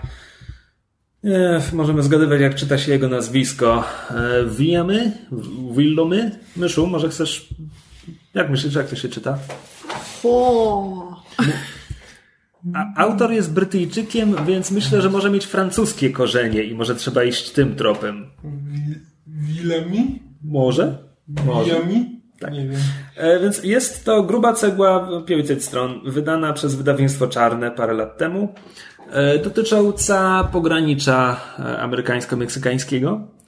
I jest to taki bardzo, bardzo przekrojowy reportaż, który zasadniczo, fo, jeśli chodzi o formę, to jest podróżą z zachodu na wschód. Co? nie próbuję sobie, nieważne. Zachód jest po lewej stronie na mapie. No właśnie o to mi chodziło. Próbowałam, próbowałam ustalić kierunek. Wow. Cicho! Czyli e, od, od Tijuany po, po Zatokę e, Meksykańską. e, przy czym to jest jakby raczej wymówka, żeby po drodze opowiadać bardzo szeroko o takich zagadnieniach jak oczywiście wojna narkotykowa i kartele, e, oczywiście e, migracje, nielegalni imigranci, e, wędrówki przez pustynię i unikanie e, straży, e, straży granicznej. Coyotes. E, Do tego, do tego jest cały rozdział o fabrykach, które amerykańskie firmy budowały w Meksyku tak, żeby mieć tam 30 kilometrów za granicą robotników, którym mogą płacić jak w trzecim świecie. E, Jest cały rozdział o brutalności wobec kobiet, o, o morderstwach kobiet w, w Meksyku e, i parę innych tematów. Jest to wszystko, że to jest dość przytłaczający reportaż. Yy, Nie tylko dlatego, że dotyczy brutalnych zagadnień, a, a dotyczy bardzo brutalnych, znaczy jak opisuje ci, wiesz, jak kartele torturują swoje ofiary, czy, czy jak wy- wysyłają wiadomość e, innym kartelom, czy policji, czy komukolwiek zostawiając zdekapitowane zwłoki zawieszone na moście w centrum miasta i tak dalej. Więc jakby jest treść, e, treść jest brutalna, natomiast forma jest przytłaczająca, bo to jest opisane szalenie przekrojowo, czyli masz rozdział o, o kartelach i ja jakby po 20 stronach już kompletnie się gubię, kto miał sojusz z kim i kto rozpełtał wojnę w tym mieście i tak dalej. Czy masz rozdział o morderstwach wobec kobiet i to też jest jakby masz, nie wiem, poświęcone pięć spraw na jedno morderstwo i potem przechodzisz zaraz do kolejnego i, i do kolejnego i do kolejnego. Więc ostatecznie jakby przeczytałem to wszystko i zostałem raczej z wrażeniem na temat niż konkretnymi informacjami.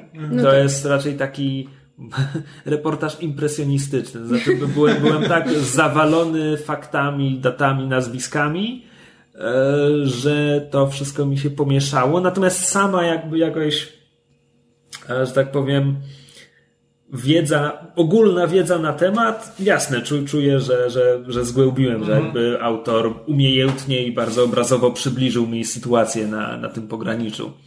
E, I zresztą sam tytuł Ameksyka odnosi się do, do takiego to, znaczy, to, to nie jest konkretnie jego koncepcja, on po prostu tak to ujął w słowa, że, że ten świat, że, że pogranicze nie jest ani Ameryką, ani Meksykiem, że, te, że mm. tam ten pas, nie wiem, na, na 50 czy, czy 100 kilometrów od granicy to jest w zasadzie... Odrębny świat. Odrębny świat, odrębny kraj, właśnie ta tytułowa mm. Meksyka.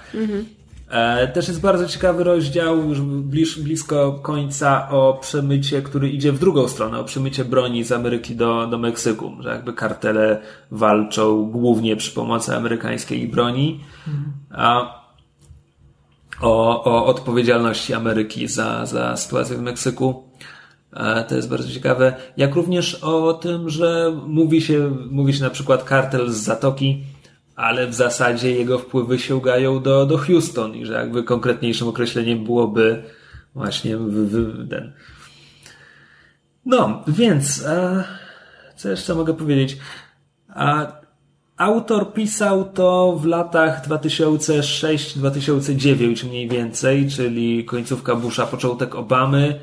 E, u nas ukazało się to, mam wrażenie, że z 5 lat temu.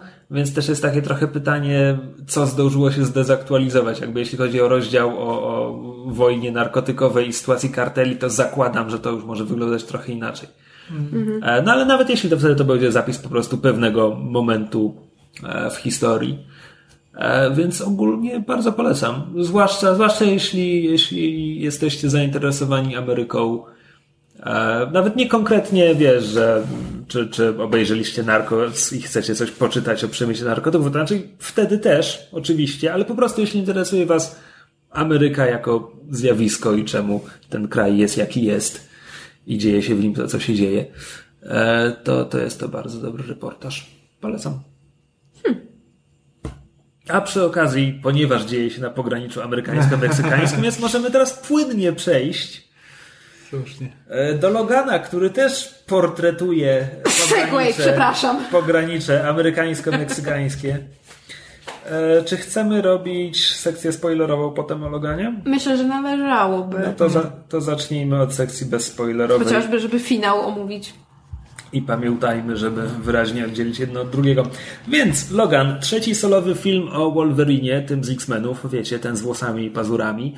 Snikt. Drugi wyreżyserowany przez Jamesa Mangolda, który obdarzył nas filmem pod tytułem Wolverine. Po prostu Wolverine. The Wolverine. A, racja. To był ten z samurajami. No to po, polski tytuł to zgubił. Mm. Polski tytuł powinien być właśnie ten Wolverine. Nie ten inny, ten tak, konkretny. Ten Wolverine, kropka. Tak, ten. E, no, więc mamy tutaj Hugh Jackmana, który wciela się w tę rolę po raz. Poczekajcie, niech policzę. To nie może być aż tak trudne. Jeśli policzymy 5 sekund w first classie, to zostajemy. To jest chyba jego dziewiąty występ. A pierwszy raz grał oczywiście w pierwszych X-Menach w roku 2000, więc kawał czasu temu. E, jest Patrick Stewart w roli profesora Xaviera, który gra tę rolę równie długo, aczkolwiek zaliczył mniej filmów. Też nie, no tak, nie miał trzech solowych. Um, niestety nie pamiętam imienia dziewczynki, która gra Laurę, a wypadałoby ją wymienić. O cholera, ja zapomniałam sprawdzić. Jest, jest zdecydowanie na równi. Mam wrażenie, że Dafne coś, ale nie pamiętam. Pełen profesjonalizm. Właśnie dla takich treści słuchajcie tego podcastu. Dobra, no to sprawdź. E, dalej wśród aktorów jest... E, Steven Merchant? Steven Merchant w roli zdecydowanie drugoplanowej. E, Hoyt Boyd Brook, który niby gra... Co? No, pan jest Boyd Holbrook, nie? Naprawdę? Tak. Hoyt Bolbrook? Ale... Okej, okay. Ja to z nim zawsze robię. obejrzałem dwa sezony Narcos i ja po prostu zawsze, zawsze mieszam. It's still funny though. To jest, holenderski to jest dziwny język. Ja wiem, że on jest Amerykaninem, ale... E, dziewczynka nazywa się Daphne Kim. O. E, tak, więc jest ten właśnie gość z Narcos w roli mm, można powiedzieć głównego złego, ale w zasadzie po pierwszym akcie schodzi tak bardzo w, w, na dalszy plan, że w zasadzie jest, jest rolą drugoplanową. Mm. A, I co? I James Mangold wreszcie zrobił takiego Wolverina, jakiego chciał zrobić. Bo jak sobie teraz przypomnicie The Wolverine, to, to Logan pod pewnymi względami jest niemalże remake'iem tego filmu. Bo są całe motywy, które on próbował tam zrobić, tylko, tylko potem latali na dachach Shinkansenów, a potem był wielki robosamuraj, a potem było zgłębianie mistycyzmu wschodniego poprzez odkrycie, że katany trzyma się oburącz i po prostu i, i wyszedł ten film, który wyszedł. Zapomniałam o tej katanie. A, a tym razem jakby pozwolili mu zrobić właśnie to, co chciał zrobić. A okazuje się, że chciał zrobić western. Tak, bez przebaczenia, tylko że z mutantami. E, Znaczy, tak naprawdę to e, z tego co czytałem na krakie nigdy tego filmu w końcu nie obejrzałem, ale to jest podobno bardzo, bardzo, bardzo podobne do Children of Men. ludzkie dzieci. E, Tak. Alfonso Cuarona, tak, jak najbardziej. To znaczy Mangold absolut, Tak, absolutnie nie jest, nie jest tak zdolnym reżyserem jak Cuaron, ale zdecydowanie w to celował. Więc e, ludzkie dzieci, właśnie antywesterny w rodzaju Unforgiven, te, te, te, gdzie miałeś dekonstrukcję rewolwerowca i tak, Zresztą w Loganie pojawia się cytat z westernu, em, sprawdziłem Shane, obawiam się, że nie znam, ale jakby ta, ta miłość do westernów jest tam jakby, to nie jest podtekst, to jest tekst w tym filmie. I wyszło to dobrze. No. No. Pierwszy dobry Wolverine. Znaczy, okej, ta poprzeczka była żenująco nisko, natomiast e, Ale poza tym to jest dobry film po po, prostu. po prostu jako kawał, jako kawał kina, po prostu jako film, to, to jest najlepszy film, jaki Fox zrobił o mutantach. Jakby, ja wolę First Class, bo to był film bardziej X-Menowy No tak. i pewnie nawet wolę X2, pomimo jego wielu wad. E, natomiast tak obiektywnie, obiektywnie to Logan jest po prostu lepszy. Nawet nie wiem, czy będę miał ochotę do niego wracać, bo był przygnębiający. ale, ale absolutnie doceniam i e, udało się. Oczywiście są tam głupotki w scenariuszu, jakby pan od Cinema Sins będzie miał używanie, e, ale kompletnie jakby nie odbierają od jego wymowy, od tego Wartości. Tak, i jakby ładunku emocjonalnego, który ze sobą niesie. I to naprawdę nie są słowa, których ja myślałem, że będę używał w odniesieniu do filmu o Wolverinie, w odniesieniu do trzeciego solowego filmu o Loganie. W ogóle to jest taki jakby kolejny przykład na to, że jakby że może kluczem do dalszego rozwoju filmów superbohaterskich Jest nie kręcenie jest- filmów tak, superbohaterskich. jest, jest tylko- zapomnieć, że film superbohaterski to ma być jakiś gatunek. Bo to jest, to jest dokładnie to tak jak, ja mówiłem to zresztą przed premierą, zresztą na antenie. Ja się nie lubię powtarzać, ale się powtórzę, że Dread jest super, bo jest przede wszystkim świetnym filmem akcji, a dopiero potem jest tam ekranizacją jakiegoś komiksu. I Logan jest przede wszystkim tym współczesnym antywesternem studium charakteru i mogę to powiedzieć jakby nie krztusząc się ze śmiechu. E, Widzę, że jesteś w ogóle... Co drugie zdanie, to jesteś w ciężkim szoku, że... No, no bo jestem. Tak, no bo umówmy, zwłaszcza po apokalipsie, jakby umówmy się, to, że ta franczyza dała nam nagle coś takiego jest, tak, pozostawiło mnie w ciężkim szoku. E, no więc jest to ten an- antywestern, jakby skupiający się na postaci, to jest, Jezus Maria, to jest dwójpół godzinne dumanie o przemijaniu i o tym, co czas z nami robi. E, z Wolverinem w roli centralnej, bo powiedzieć, że głównej to to, to by było krzywdą właśnie dla, dla Xaviera Patricka Stewarta i dla Laury, tak. Daphne. Kim? Właśnie. Co jeszcze można powiedzieć?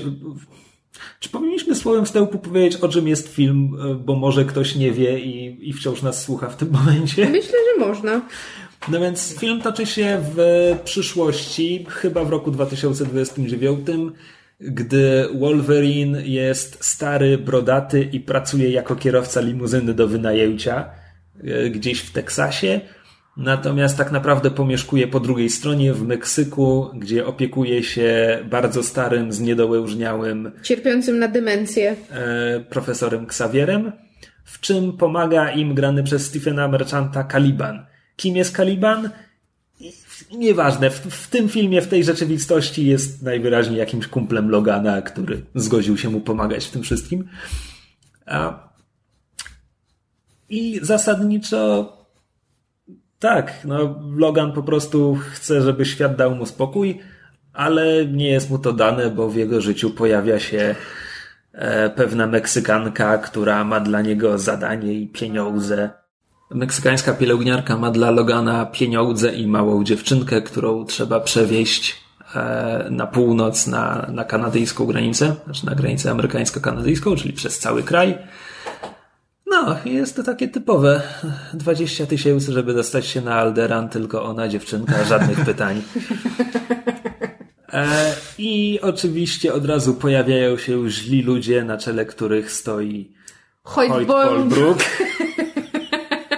który gra tutejszą wersję Donalda Pierce'a, który z komiksową wersją ma wspólnego tyle, że ma mechaniczne elementy i dowodzi ekipą żołnierzy, którzy też mają mechaniczne elementy.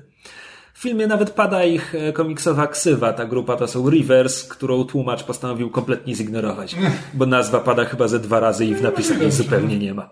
No bo co, byliby łupieżcy pewnie. Siepacze. Siepacze, u, ładne słowo. Dobre słowo. Dobre słowa. Weź kajecik. E, I zaczyna się takie kino drogi, gdzie Logan, Logan jedzie z Xavierem i dziewczynką i próbują, próbują wyprzedzić tych złych, którzy depczą im po piętach. I no, znaczy tak, to jest przede wszystkim western, natomiast z kina drogi wziął e, konstrukcję, bo jest bardzo epizodyczny. To znaczy, o ile jeszcze pierwszy akt toczy się w jednym miejscu, w jednym czasie, o tyle już drugi i trzeci akt to są po prostu oni zatrzymują się tutaj, tutaj gdzie- gdzieś coś się dzieje, potem jadą, tam dzieje się coś innego, potem jadą i w końcu dojeżdżają do miejsca, gdzie jest finał. A, więc, em, więc jak to wygląda? To jest dość długi film, bo to jest chyba, nie wiem, 2 godziny i 17 minut. E, A się absolutnie nie nudziłem. Natomiast to też nie jest tak, że jakby seans mija jak, jak z bicza strzelił. Czuć, czuć ten czas, no bo, Bo, taki... bo też Mangold wziął z westernu właśnie tempo i, i tę zadumę nad tym smutnym starym kowbojem na tle pustkowia. E, Co działa. Co działa, aczkolwiek to trochę zależy od, od wrażliwości widza i tak dalej i jakby absolutnie zrozumiem, jeśli kogoś ten film znudzi, albo jeśli ktoś uzna, że jest pretensjonalny w swoim e, dołującym przedstawieniu starych, smutnych ludzi. Znaczy, mnie się po prostu robiło smutno za każdym razem, jak patrzyłam na Patricka Stewarta. Ale jaki on jest genialny w tym filmie. Znaczy, on jest fantastyczny, ale mi się robiło tak po prostu... No to niech ci nie będzie smutno, bo on na żywo jest w dużo lepszej formie niż, niż gra Ja tutaj. wiem i próbowałam to sobie, jakby to sobie przypominałam i to jakby sprawiało, że tym, tym, pod tym większym byłam wrażeniem jego, jego występu, natomiast po prostu robiło mi się tak strasznie A- a smutno. widzisz, Nawet a- bardziej niż patrząc na Logana. A ja, się, a ja się strasznie cieszę, bo o ile Patrick Stewart zawsze ma fajną prezencję ekranową, jest charyzmatyczny i ogólnie fajny, to tak naprawdę, który to jest jego film w tej, w tej serii? Szósty? Po raz pierwszy miał coś do zagrania. Tak naprawdę, naprawdę do zagrania. Znaczy, no, Zresztą znaczy, teoretycznie Hugh Jackman Hugh, też. Hugh Jackman to samo. Nie, Hugh Jackman jakby też jest bardzo spoko w tym, w tym filmie. Nie, Nie, tak, właśnie że po raz pierwszy dali mu coś jakby do zagrania więcej, Więcej. niż... E, Tom Hardy Grant. tak. że Tom, Tom Hardy z pazurami. O. Ale nie, jakby zagrany jest świetnie. I zresztą ta dziewczynka też jest niesamowita. Po prostu nie wiem skąd ją wzięli, ale Z Meksyku. z plantacji w Meksyku. Ho. Sad. Ale jest, n- naprawdę byłem pod ogromnym wrażeniem tego, że te, tak, tak, tak młode dziecko jest w stanie coś takiego zrobić z rolą. E, Plus, miła niespodzianka dla mnie, tak naprawdę ze wszystkich filmów Foxa ten jest najbliżej jakichkolwiek komiksów. Nie Oldman Logana, bo z Oldman Logana bierze tylko koncepcję stare, starszego Wolverina i, i podróży samochodem przez Stany. E, Natomiast historia Laury jest całkiem blisko. Całkiem blisko komiksów. E, Zander Rice jest postacią z komiksów. E, I pod tym względem byłem miło zaskoczony.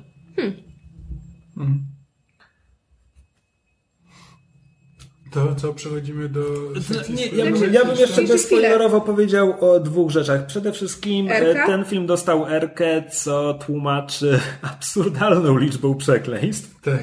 Znaczy, pierwsze słowo to jest fuck. No tak, tak, ale nie, no jakby chyba te po, pokłady nauczycielskiej frustracji się w profesorze Ksawierze gromadziły latami i teraz daje im upust. E, Śmiesznie jest patrzeć, jak Patrick Stewart przeklina. A po drugie, e, no przemoc. Jakby Wolverine ma pazury i pazury są od tego, żeby ciąć ludzi na kawałki i film absolutnie od tego nie ucieka. Nawet bardziej niż ciąć, wbijać je.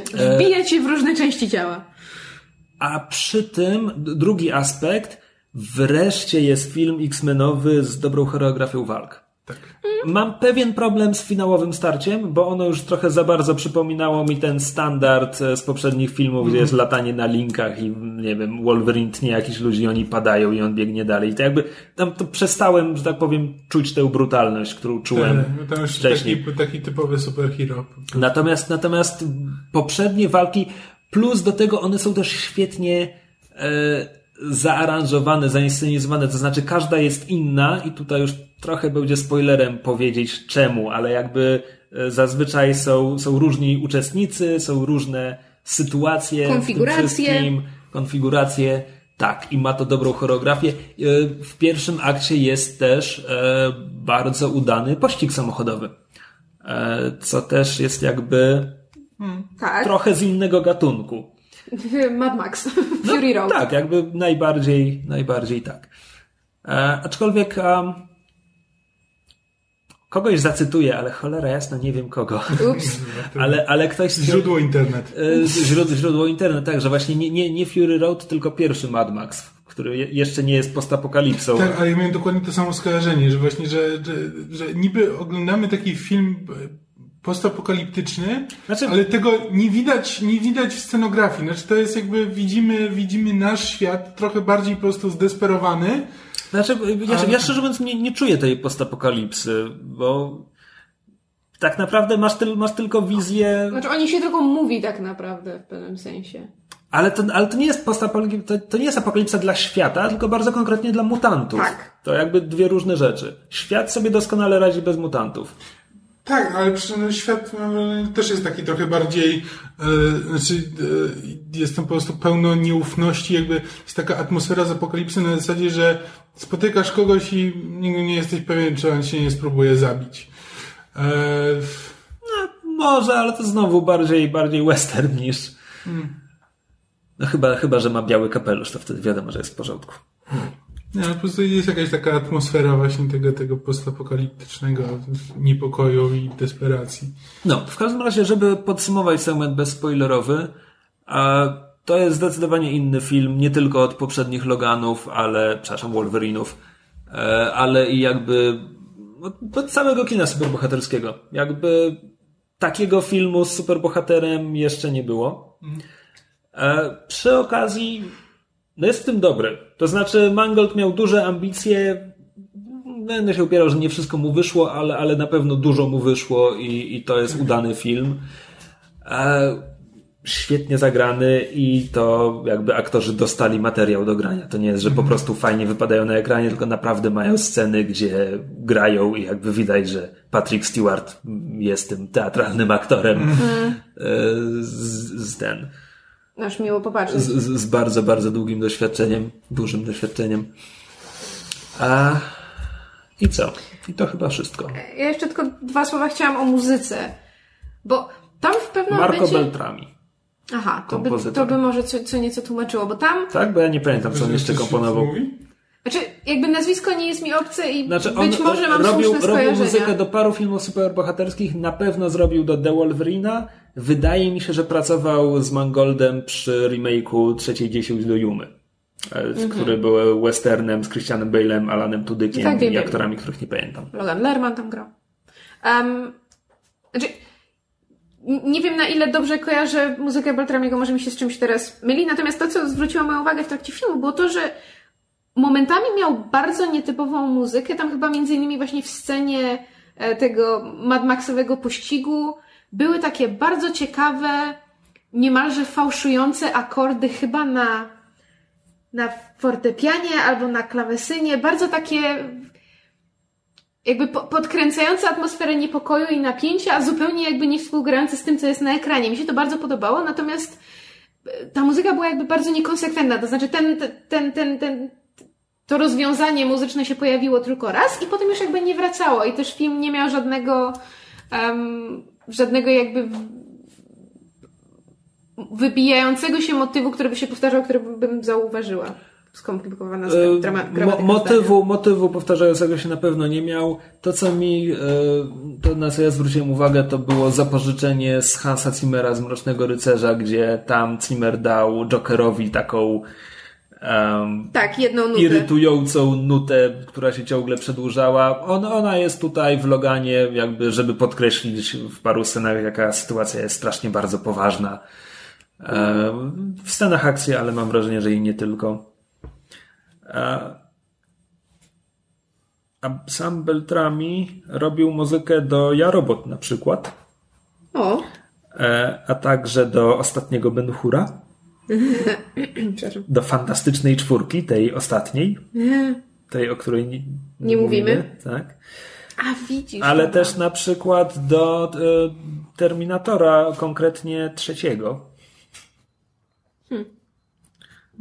No czekaj, ale chyba, ale chyba coś was okłamałem, bo sprawdzam go teraz i nie widzę innych filmów superbohaterskich poza The Wolverine.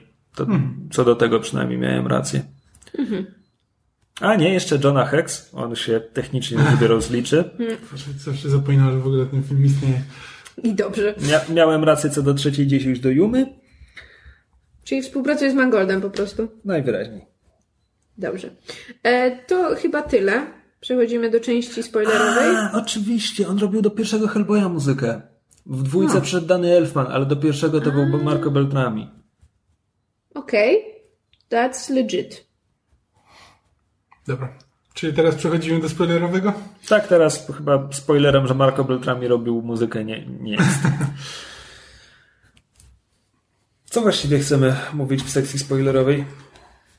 E, ja mam dwie rzeczy. Jeden to jest, to jest nie wiem na ile subtekstowy wątek e, przemysłu kukurydzianego, cośmy z Kamilem w samochodzie w drodze powrotnej omawiali, a druga rzecz to jest zakończenie, no ale to jakby na, na koniec możemy omówić.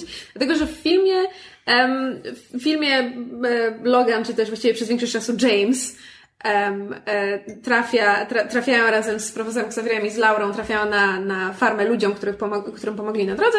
No i tam jakby Logan idzie pomóc temu ojcu rodziny, bo właśnie tam, prawda, farmerzy na terenie wykupionym przez dużą firmę, która hoduje genetycznie modyfikowaną kukurydzę. I oni tam mają króciutki dialog a propos tego, że że Że ta kukurydza idzie na syrop i że ten syrop, Syrop jest, jest dodawany do wtedy do wszystkiego, wszystkiego. Na, tak, nachyliłem wszystkie- się do Megu i powiedziałem, że syrop wybił mutantów. I mi się to tak strasznie podoba. Znaczy, to, jest, to jest takie malutkie, subtelne wrzucenie i jeżeli nie... Genetycznie modyfikowane jedzenie dodawane do wszystkiego sprawiło, że ludziom przestały się robi, rodzić zmutowane dzieci. Tak, i mi się ten motyw bardzo podoba, bo A jednocześnie sama- się wpasowuje w świat jakby mutantów, a z drugiej A, strony a jest... sama zła kukurydza jest wprowadzona w filmie wcześniej, bo kiedy są w kasynie, e, widać e, reklamę tej firmy i re- reklamę, O! że my tam w Conwood, czy jakkolwiek firma się nazywa, i kamera przesuwa się przez żełdy kukurydzy i tak dalej.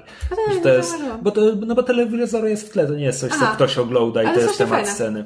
Ale po prostu, ponieważ ja się kiedyś e, interesowałam e, amerykańskim przemysłem spożywczym i właśnie, znaczy przede wszystkim interesowałam się żywieniem w Stanach. Oglądałam filmy dokumentalne na temat tego, jak wygląda sytuacja żywieniowa w Stanach, że jakby mimo tego, że to jest najbardziej otyły naród na świecie, to jedna osoba na pięć głoduje, jakby jak to jest związane jedno z drugim. I właśnie przemysł kukurydziany i syrop kukurydziany ma z tym bardzo duży związek. I podobało mi się, że oni właśnie wykorzystali element, który jest bardzo istotny dla współczesnych Stanów Zjednoczonych, a bardzo jakby em, bardzo mało znany. To znaczy, to nie jest powszechna wiedza, że, że jakby jak właśnie przemysł kukurydziany, syrop kukurydziany wpływa na kwestie zdrowia i otyłości w Stanach. Natomiast wpletli to właśnie w motyw swojego świata w, w, w kwestii mutantów. Znaczy to jest też właśnie nawet bardziej z tej reklamy telewizyjnej, która leci gdzieś tam w tle, ale tam można usłyszeć, że te, ta firma reklamuje nie tylko siebie i swoje kombajny, ale bardzo konkretnie swoją kukurydzę, to, ponieważ to jest genetycznie zmodyfikowany szczep kukurydzy, to on jest ich własnością. E, I to jest motyw, który jakby GMO jest zdrowe, od GMO nic wam się nie stanie. Natomiast fakt, że wielka korporacja może opatentować teraz pszenicę, prowadzi jakby do pisania dystopii. Na przykład e, autor nazywa się bodajże Paulo Badigalupi, czy jakiś tam, z takiej powieści jak e, Nakręcana dziewczyna, czy mhm. Tonący nóż. E, część jego opowiadań i powieści właśnie rozgrywa się w świecie, gdzie jakby żywność jest opatentowana i, i to jest postapokalipsa. Mhm. No właśnie, wiesz, niby taki, niby niewielki wiesz, motyw, ale strasznie... właśnie, był taki, był taki motyw, że jedna z firm próbowała opatentować ten no, basmati rice. Ryż. Nie wiem, jak jest basmati. basmati. Ryż basmati. Basmati po prostu, ale wiesz, jakby po prostu indyjski, indyjski e, ryż e, opatentować jakby po to, żeby móc z niego korzystać, który jest jakby, wiesz, powszechny w Indiach.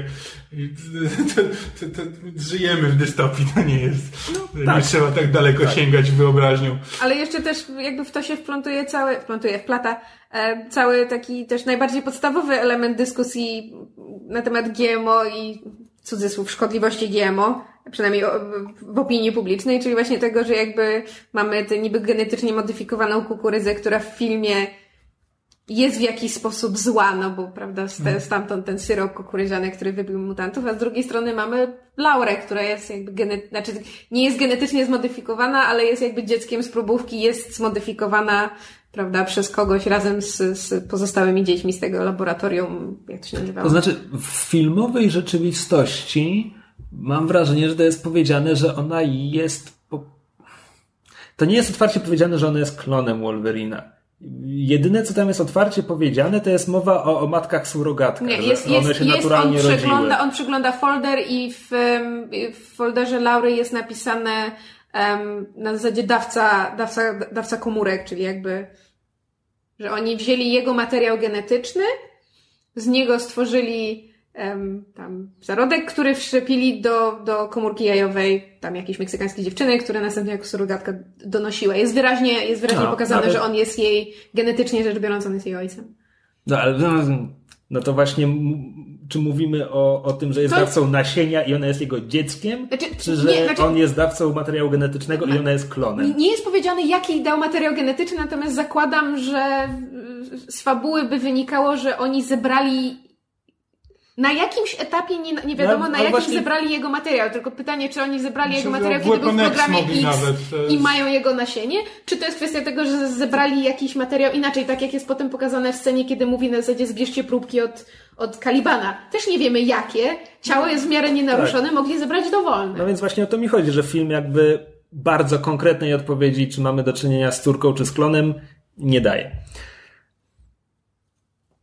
Ważniejsze myślę jest to, jak Wolverine to traktuje, a nie jaka jest biologiczna. No tak, akurat to, to jak Wolverine to traktuje, to jest, tak powiem, takie bardzo standardowe od nie chcę mieć z tobą nic do czynienia do jestem z ciebie dumny, nie bądź taka jak ja. Nie, co zrobić? Nie, nie, jest to bardzo dobrze zrealizowane, natomiast sama ta relacja jest jakby no jest, jest taka, jaka być powinna. Hmm.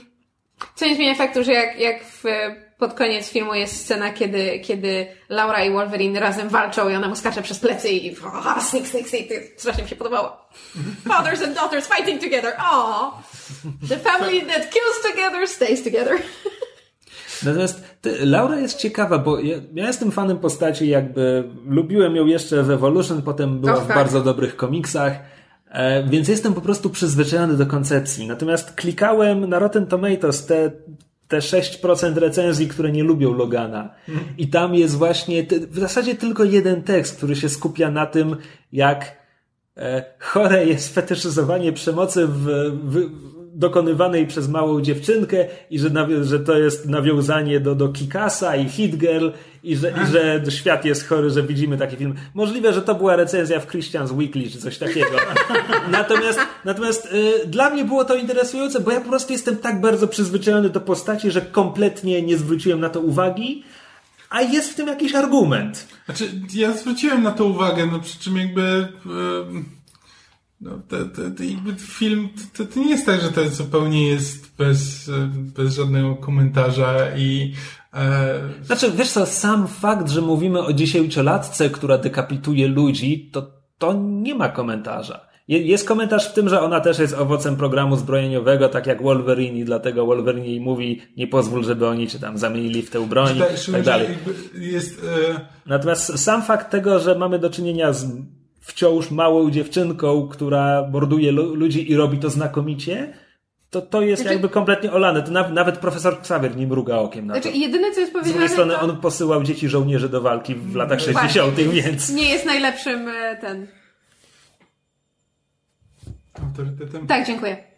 Em, natomiast y, tam jest chyba tylko taka jedna scena, w której tam właśnie Logan mówi na zasadzie, że, że nie, nie bądź taka jak ja i ona odpowiada na zasadzie, że a, a propos tych wszystkich ludzi, których zabiła, że jakby, ale oni wszyscy byli źli.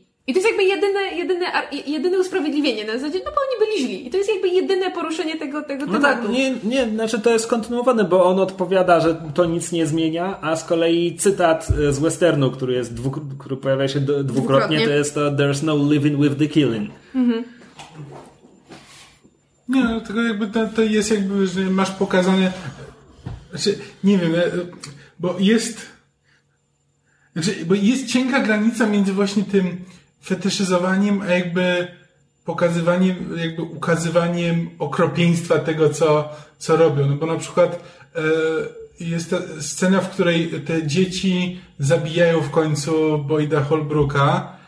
E, I to jest, wiesz, i to jest scena, To jest scena której... z horroru, to są dzieci Tak. kukurydzy. Tak. Dokładnie. I to, to jest, wiesz, i to, to jest mocno poruszające, a wcale właśnie, i, i to jest tak nakręcone, że jeśli ktoś mi powie, że no to jest właśnie po to, żebyśmy widzieli, że no te dzieci to jest właśnie ta broń, żebyśmy zobaczyli, co oni z ni, co, co jakby ta organizacja zrobiła z tymi dziećmi, jak one ten, a z drugiej strony ktoś mi powie, że to jest fetyszyzacja przemocy, ja nie mam argumentów ani dla jednego, ani dla drugiego. Nie, nie jestem w stanie stwierdzić, co w tej scenie jakby mo, może właśnie podpadać pod jedno, a co pod drugie. E, ale tak, jest to, pewien, jest to pewien motyw, którego można się tam doszukiwać, może rzeczywiście nie jest wystarczająco dobrze e, eksplorowany. Zmieniając temat, no to jest to oczywiście ten film o starym rewolwerowcu, który musi jeszcze raz przepasać pistolet i ruszyć, żeby rozprawić się ze złymi ludźmi. Jest to też zaduma nad tym, co, co czas z nami robi i nad żałowaniem tego, jak życie się potoczyło. Uosobiony najbardziej przez postać profesora Xaviera. E, Natomiast tak jak film ogólnie jest westernem i ogólnie nawiązuje do Unforgiven i tak do ludzkich dzieci, to jednak tutaj Mangold żeby, żeby naocznić tę, to, że film jest o, o, o starciu z czasem, poszedł e, w stronę innego klasyka i, i nawiązał do Jamesa Camerona i Terminatora drugiego. Tak. Bo, bo Logan kontra jego młody, piękny klon to jest drugi Terminator, to jest ten Ja dokładnie to nachyliłam się do, T800 i T1000. nachyliłam się do Kamila i powiedziałam, o, ktoś ogląda Terminatora. Wszyscy oglądali Terminatora. E, I szczerze mówiąc, jestem zdziwiony tym, jak to działa, bo, bo sklonowany Wolverine, ja bym nie mruknął, gdyby on się pojawił w filmie X-Men Origins Wolverine, bo to jest ten, poruszamy się tutaj w takiej poetyce. Ale to działa też w Loganie. I to jest też, zresztą, jeśli mówimy o filmie X-Men Origins Wolverine, no to przecież pocisk z Adamentium też tam się, tam, tam zadebiutował. No, proszę.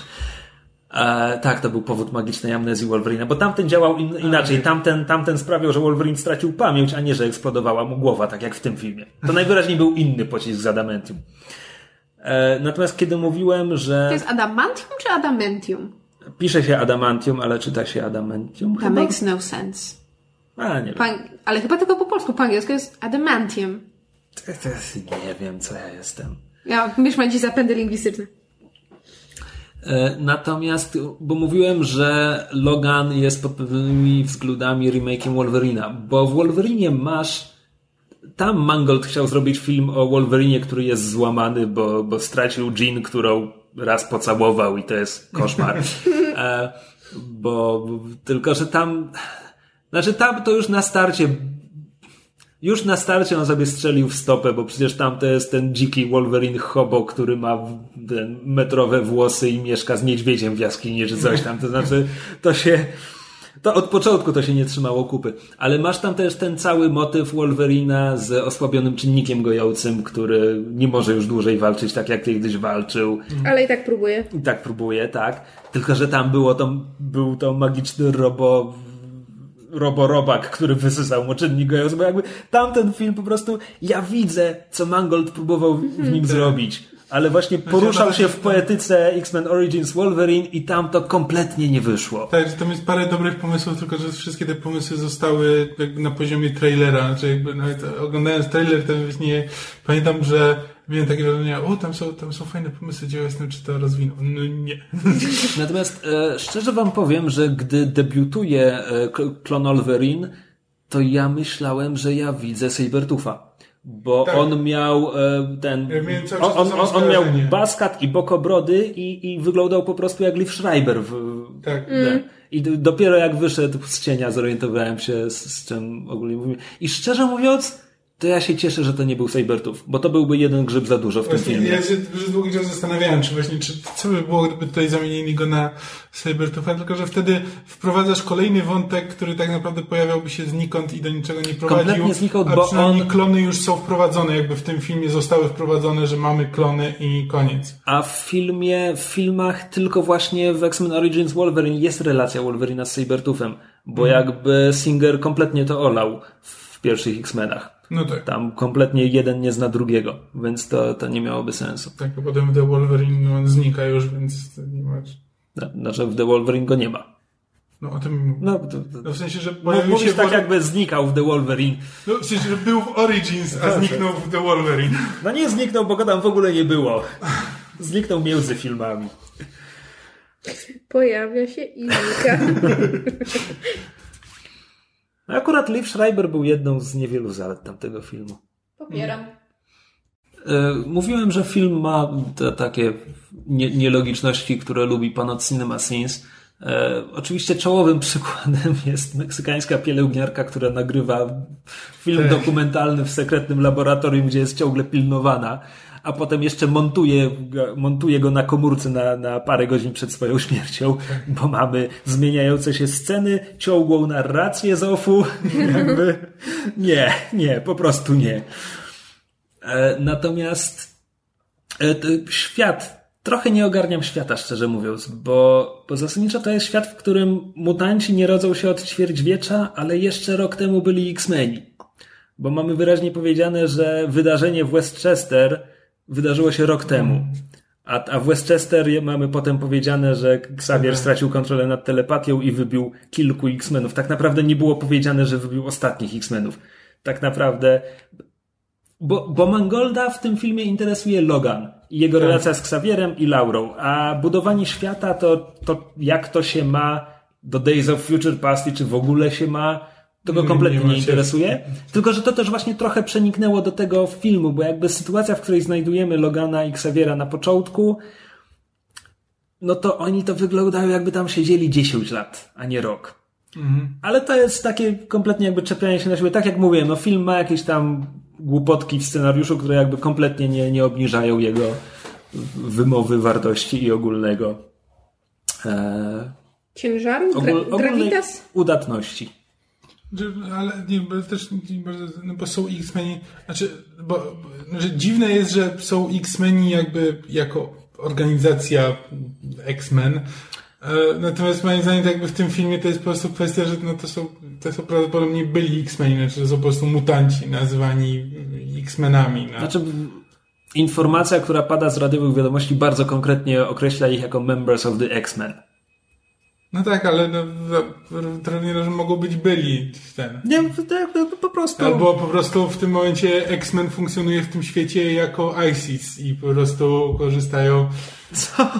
Znaczy, no w sensie, że jest, jest traktowany jako organizacja po prostu, nie wiem, terrorystyczna, no bo szukają tych mutantów i jakby chcą, chcą ich zabić. No to równie dobrze może Nie, jest, być. jest, jest powiedziane, że, że Xavier jest poszukiwany właśnie po tym, co wydarzyło się w Westchester. Nie, no, ale mówię, no możemy, możemy się o to sprzeczać, bo to po prostu są jakieś luźno rzucone zdania, na których film się nie skupia. E, tak naprawdę ten film Ten film działa, bo, bo Jackman i Stewart grają e, Wolverina i Xaviera od 20 lat niemalże. Natomiast ten film zasadniczo jest w swoim własnym świecie. Tak. Bo można go uznać za epilog czy do cyklu, czy do solowych Wolverinów, ale tak naprawdę mamy tutaj pokazane, to jest świat, w którym są komiksy o X-Menach, to jest świat, w którym Są, są action figures. no tak, znaczy, czekaj, bo teraz jak zacząłem myśleć o X-Menach jako bohaterach, to tak sobie myślę, że to mogłoby pasować do tego, co widzieliśmy w Days of Future Past. Nieważne. No w każdym Znaczy, razie... ja- jedyne co jakby rozważałem to, że to jest jakby ta wersja e, znaczy, że to jest ta wersja Days of Future Past, która się wydarzyła. No tak, tylko że nie masz wielkich robotów i nie masz spalonego pustkowia zamiast Ameryki, gdzie latają sentinele. Nie, to, to nie pasuje do niczego. Natomiast, e, tak jak mówię, więc to jest film, który jest osobno po prostu od wszystkiego, tak jak Deadpool. E, ale te wzmianki, które nie do końca składają się na konkretny obraz, są tam potrzebne, bo to jest kolejny ten element tego motywu mierzenia się z przeszłością i, i z tym, kim, kim ci bohaterowie się stali w tym momencie, bo to, to nie tylko jest Logan, który przeżył te sto kilkadziesiąt lat e, i, i ma już wszystkiego dość i stracił wszystkich bliskich, ale to jest też Logan, który jest legendą i to nie jest tylko legendą, że zły najemnik Boyd Holbrook, Holbrook, jak? Boyd Holbrook. Właśnie, e, że, że on mówi, hej, jest, jestem twoim fanem, bo, bo jak się obraca w kręgach złych najemników, to słyszał pewnie o, o takim Kanadyjczyku groźnym. E, ale właśnie X-Meni byli bohaterami popkultury, są komiksy o nich. E, są a meksykańska pielęgniarka mówi, że usłyszała od kogoś, że widziano Wolverina. Więc to jest jakby świat, gdzie to nie jest tylko Logan, który ma za strasznie trudne życie i, i ma już tego dość, ale to jest też Logan, który był ikoną popkultury I, i absolutnie ma tego dość. E, I to znowu trochę pasuje do jakby do, do westernów o starym, legendarnym rewolwerowcu. No tak. No dobra. A poza tym, poza tym ma fantastyczny finał, to znaczy jakby cały, cały film jest, y, tutaj wypowiadamy się głównie w, w, w superlatywach, natomiast dla mnie jakby finał robi film. To może zanim przejdziemy do finału, bo ja jeszcze chciałem wrócić do tej choreografii. Oczywiście. Do tego, że walki są różnie zaaranżowane. Bo zaczynamy od tej, otwarcie to jest pijany Wolverine kontra meksykańscy złodzieje opon. To, to nie jest szczególnie epickie starcie. E, Ale potem mamy właśnie scena akcji pościg z Mad Maxa. E, Albo... Strasznie fajnie zrobione. Tak, zresztą wcześniej widzimy Laurę, jak po raz pierwszy morduje. E, Potem mamy. Znaczy, a, dobra. Tak. Potem mamy scenę w kasynie, gdzie to nie jest scena akcji, to jest po prostu Logan, który dokonuje egzekucji na bezbronnych żołnierzach, ale z drugiej strony musi to zrobić, bo, bo nie ma wyjścia. E, Potem mamy właśnie, kiedy wchodzi klon Wolverine, e, to jest scena, w której Laura zostaje złapana i jest wyłączona, więc to jest tylko stary Logan kontra swoje młodsze, sprawniejsze ja.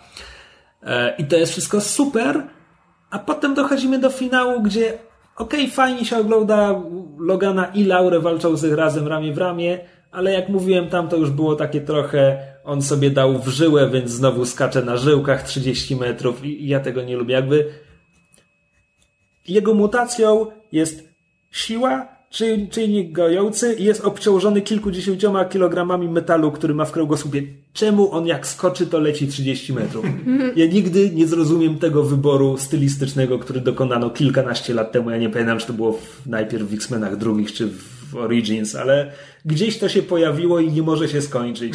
I ja nie potrafię po prostu przejść nad tym do porządku dziennego, bo Wolverine nie lata. No, Wolverine Rosamaki nie latają. Ich, mi- ich miejsce jest na ziemi. Chyba, że go rzuci kolosus. Chyba, że go rzuci kolosus. Tytuł odcinka. Rosomaki nie latają. Wolverines can't jump.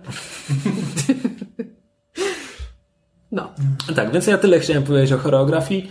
E, I możemy porozmawiać o finale, skoro tak. Tak, bo finał, finał mi się bardzo, bardzo podobał. Muszę powiedzieć, że parę dni temu rozmawiałem e, z, z Kasią Czajką, zwierzem popkulturalnym, jeszcze przed tym, jak obejrzeliśmy Logana i zapytałem ją, jak sądzisz, czy oni ukatrupią Logana w tym filmie. A ona mówi, nie, to byłoby zbyt smutne. No Xavier ginie, to jest jasne, bo Patrick Stewart mówi, że to jest jego pożegnanie z rolą i tak dalej. Zasadniczo zaspoilerował film. Ale Wolverina nie zabiją, bo jakby Xavier i Logan mieli zginąć, to... to no więc poszliśmy na film i e, cytując Maisie Williams, he dead. yeah, he dead, he very dead. E, tak. E, ale jakby abstrahując od tego, że, że podjęli decyzję, zabili, zabili Wolverina i to jakby im się, im się chwali, to, to jakby ta, ta ostatnia scena pożegnania e, Laury i, i, i, i Logana bo jakby to, że ona prawda, przez całe, przez pół filmu nie mówi, to w ogóle też o tym żeśmy zapomnieli powiedzieć, że przez, przez pół filmu to jest rola nie ma, co jeszcze jakby podkręca fakt, że tak dobrze sobie z tym, z tą rolą poradziła, już też abstrahując od kwestii właśnie choreografii walki i, i tego, jak w tych momentach wypadała, bo też wypadała fantastycznie, a potem z kolei e, część roli jest po hiszpańsku. E, jakby to, że ona mówi do niego, prawda, po raz pierwszy w tej właśnie scenie śmierci mówi do niego tato, no to to jest jakby tanie zagranie, można się tego spodziewać, okej. Okay. Ale... Tato, chodźmy do domu. Tak, tato, tak.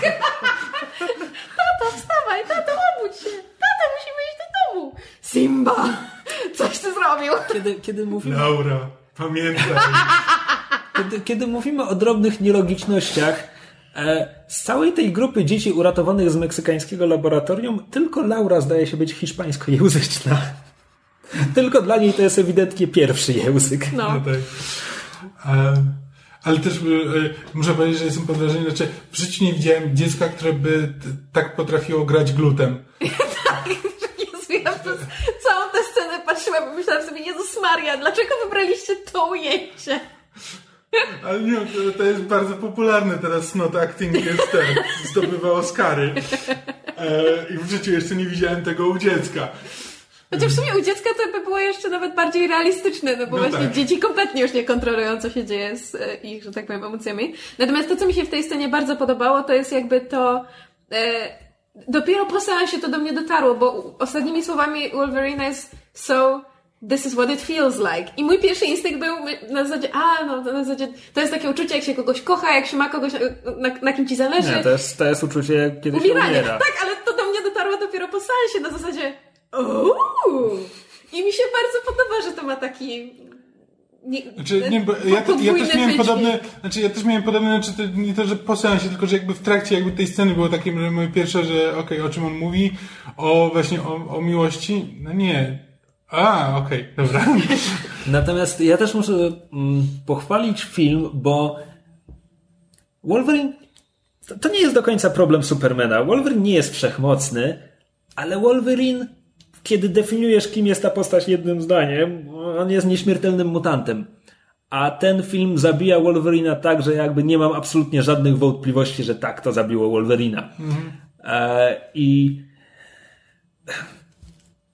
czy ja chcę znowu kopać leżącego? Czy ja chcę mówić o kinowej śmierci Supermana w Batmanie v Supermanie? Nie, nie chcę. Dobra, wszyscy wiecie, co mam na myśli.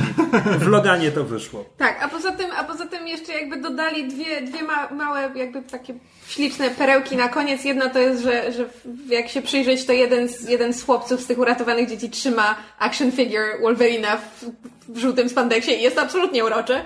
Znaczy, cały, ca mam wrażenie, że cały nasz rządek, a przynajmniej, przynajmniej ja, Ocia i Megu siedzący jednym rzędem, żeśmy zwrócili uwagę i autentycznie pokazały palce na zasadzie patrz, patrz, figurka. A druga perełka to jest, to jest krzyż zmieniony w X. I to jest, to jest tanie, ale cholera ja to kupuję. No, no, okay, tak. Kupuję to, no. Mówimy o poetyce komiksowej. Ale kupuję to, no. Jest śliczne. Natomiast e, to jest też ciekawe, że to jest film, który mógł pójść w meta, a nie poszedł w meta. E, kiedy mówimy, że to jest świat, w którym są komiksy o X-Menach, kiedy mówimy, że tutaj Wolverine jest, jest ikoną popkultury, to mimo wszystko to, to nie jest nasz świat to, to nie są nasze komiksy, na przykład. Mm. Zeszyt, który, który tam postaci kartkują, to jest coś, co zostało specjalnie narysowane na potrzeby tego filmu. No. Kiedy Logan mu wskazuje na okładkę i mówi, patrz, to są nazwiska ludzi, którzy to wszystko wymyślili, to tam, nie wiem, nie ma Clermonta i, znaczy nie wiem, czy nie ma, nie przyjrzałem się, ale zakładam, że nie ma. Mm. Więc e, w zasadzie zastanawiam się, czy można by, czy, czy można by traktować, że ten film, że, że tak powiem, cała reszta franczyzy kinowej X-Men to jest właśnie to, jak jak Wolverine jest pokazywany w tej popkulturze są te komiksy, tego. które no właśnie, w Loganie istnieją. za, jako... za, za, to znaczy, to, to, nie jest, to nie jest tak powiedziane, tam jak spojrzysz na te komiksy, to nawet nie wyglądają podobnie do filmowych No. mutantów i tak dalej. Natomiast, Ale pomysł fajny. no, że, no bo jak, jak mówiłem, jakby to jest film, który jest w swoim własnym świecie. On działa, bo te filmy, które były wcześniej, były, natomiast to, to nie jest ich, ich kontynuacja ani, ani nic takiego. To jeszcze tylko na koniec pytanie, jak myślicie, czy będą próbowali teraz w kolejnych filmach szukać nowego Wolverina, czy po prostu dadzą spokój tej postaci? Niech się przerzucą na Laurę. Ja chcę oglądać filmy z Laurą. Znaczy ja też chcę oglądać filmy z Laurą, Na, tylko... dobre filmy.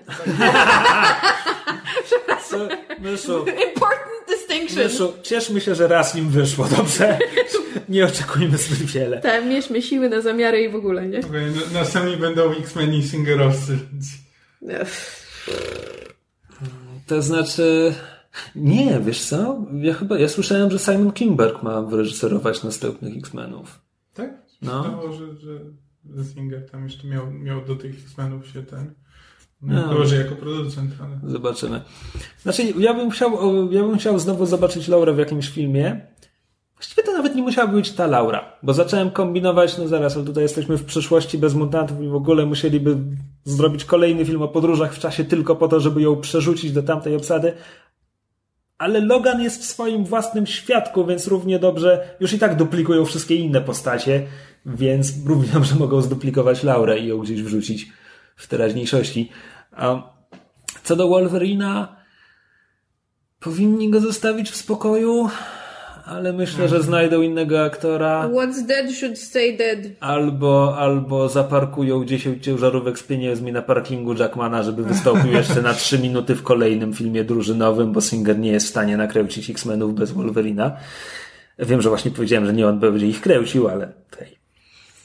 Przecież biorąc pod uwagę, jak ten, ile razy Jackman się zarzekał, że też, że, też prawdopodobnie, że to może być koniec Wolverina. No tak, on to, Znaczy, on to mówi od 10 lat. Tym razem Ale jakby... właśnie tym razem mówię, że znaczy tym razem mam wrażenie, że nie będzie chciał wracać na chwilę do filmu, który może się okazać niewypałem. Jak Tak. już wie, że teraz zakończył tę rolę i będą go wspominać miło, to może skończyć. Tak, li, liczę, liczę, że on i w zasadzie ten Stewart też, że jakby mają to aktorskie ego, które im mówi, okej, to wyszło, wystarczy. Tak, tak. Poza tym, umówmy się, Jackman naprawdę już nie jest najmłodszy i to jakby jednak it takes a toll on the body, no takie utrzymanie się w takiej Tak. formie. Znaczy, ja myślę, że Ian McKellen najbardziej jest poszkodowany, że jemu nie daje takiego filmu, na który mógłby odejść. Znaczy, Na on, miał, on miał scenę w Days of Future Past. Ja myślałem, że to będzie pożegnanie i dla McKellena, i dla Stewarta. Tak. Ale Stewartowi jeszcze dali jeden film. I dobrze, że dali, bo, bo był tu świetny. A, że właśnie przypomniałem sobie scenę, w której zakłada kapelusz i to jest taki, taki drobiażdżek. ale- Dobra, bo to już chyba o jakichś pierdółkach zaczynamy mówić. Przynajmniej ja. Ale na Logana idźcie, warto. Tak jest. Naprawdę, naprawdę warto. A, Weźcie tatę. Przepraszam. Film na cień ojca. e, no, więc zasadniczo na tym kończymy, ale to nie koniec myszmasza w tym tygodniu, bo w ciągu tygodnia, to jest 8 marca, W środę w środę, e, pojawi się odcinek specjalny. tak, Czy możemy powiedzieć na jaki temat, czy mysz utwierdzi, że NDA nam nie pozwala? E, o Iron Fistie, nie, nie, nie bawmy się w to, o Iron Fistie. E, Już chciałam tak ładnie zatizować, no wiecie co. W każdym razie e, będzie, będzie odcinek specjalny o Iron Fistie. Niestety ze względu na e, trudności techniczne odcinek będzie wyglądał tak, że chłopcy będą mówili o serialu, a ja będę zadawała pytania. Ty tu byłaś trudnością techniczną. Mogłeś tego nie mówić. Ja chciałam, ja chciałam to tak, tak, ten, chciałam to tak przedstawić, że ja będę robić za, za, za pytania publiczności, za Bar- głos bardzo proszę. słuchaczy, a ty mi to tak przed wszystkich wypy... Dobrze, tak, nie zdążyłam obejrzeć, tak? Zadowolony? Obejrzę z wami, znaczy z, ze słuchaczami, w tym samym czasie co słuchacze. Będę się jarać z wami, a nie tak jak te hipstery, wcześniej niż wszyscy. I watched Iron Fist before anyone else. Oh, oh, oh. Oj. Tak, i to, tego typu treści możecie się spodziewać w dodatkowym odcinku. Tak, więc jeszcze w tygodniu spodziewajcie się e, dodatkowego mini odcinka. Więc to jeszcze zobaczymy, jak mini on nam wyjdzie. E, a w tym tygodniu to koniec. Puh. I tak jest wyjątkowo długi odcinek. Do zobaczenia za tydzień. Do Pa, pa. usłyszenia za tydzień. Whatever. Żegnajcie. Jo. Whitest fucking podcast. Jesus, man. Słuchaliście podcastu Myszmasz. Możecie nas znaleźć na myszmasz.pl lub polubić nasz fanpage na Facebooku. Możecie nam także wysłać maila na myszmaszpodcast.gmail.com Jeśli do nas napiszecie, będziemy szczęśliwi jak fruwający rosomak. Rosomaki nie latają. Haha.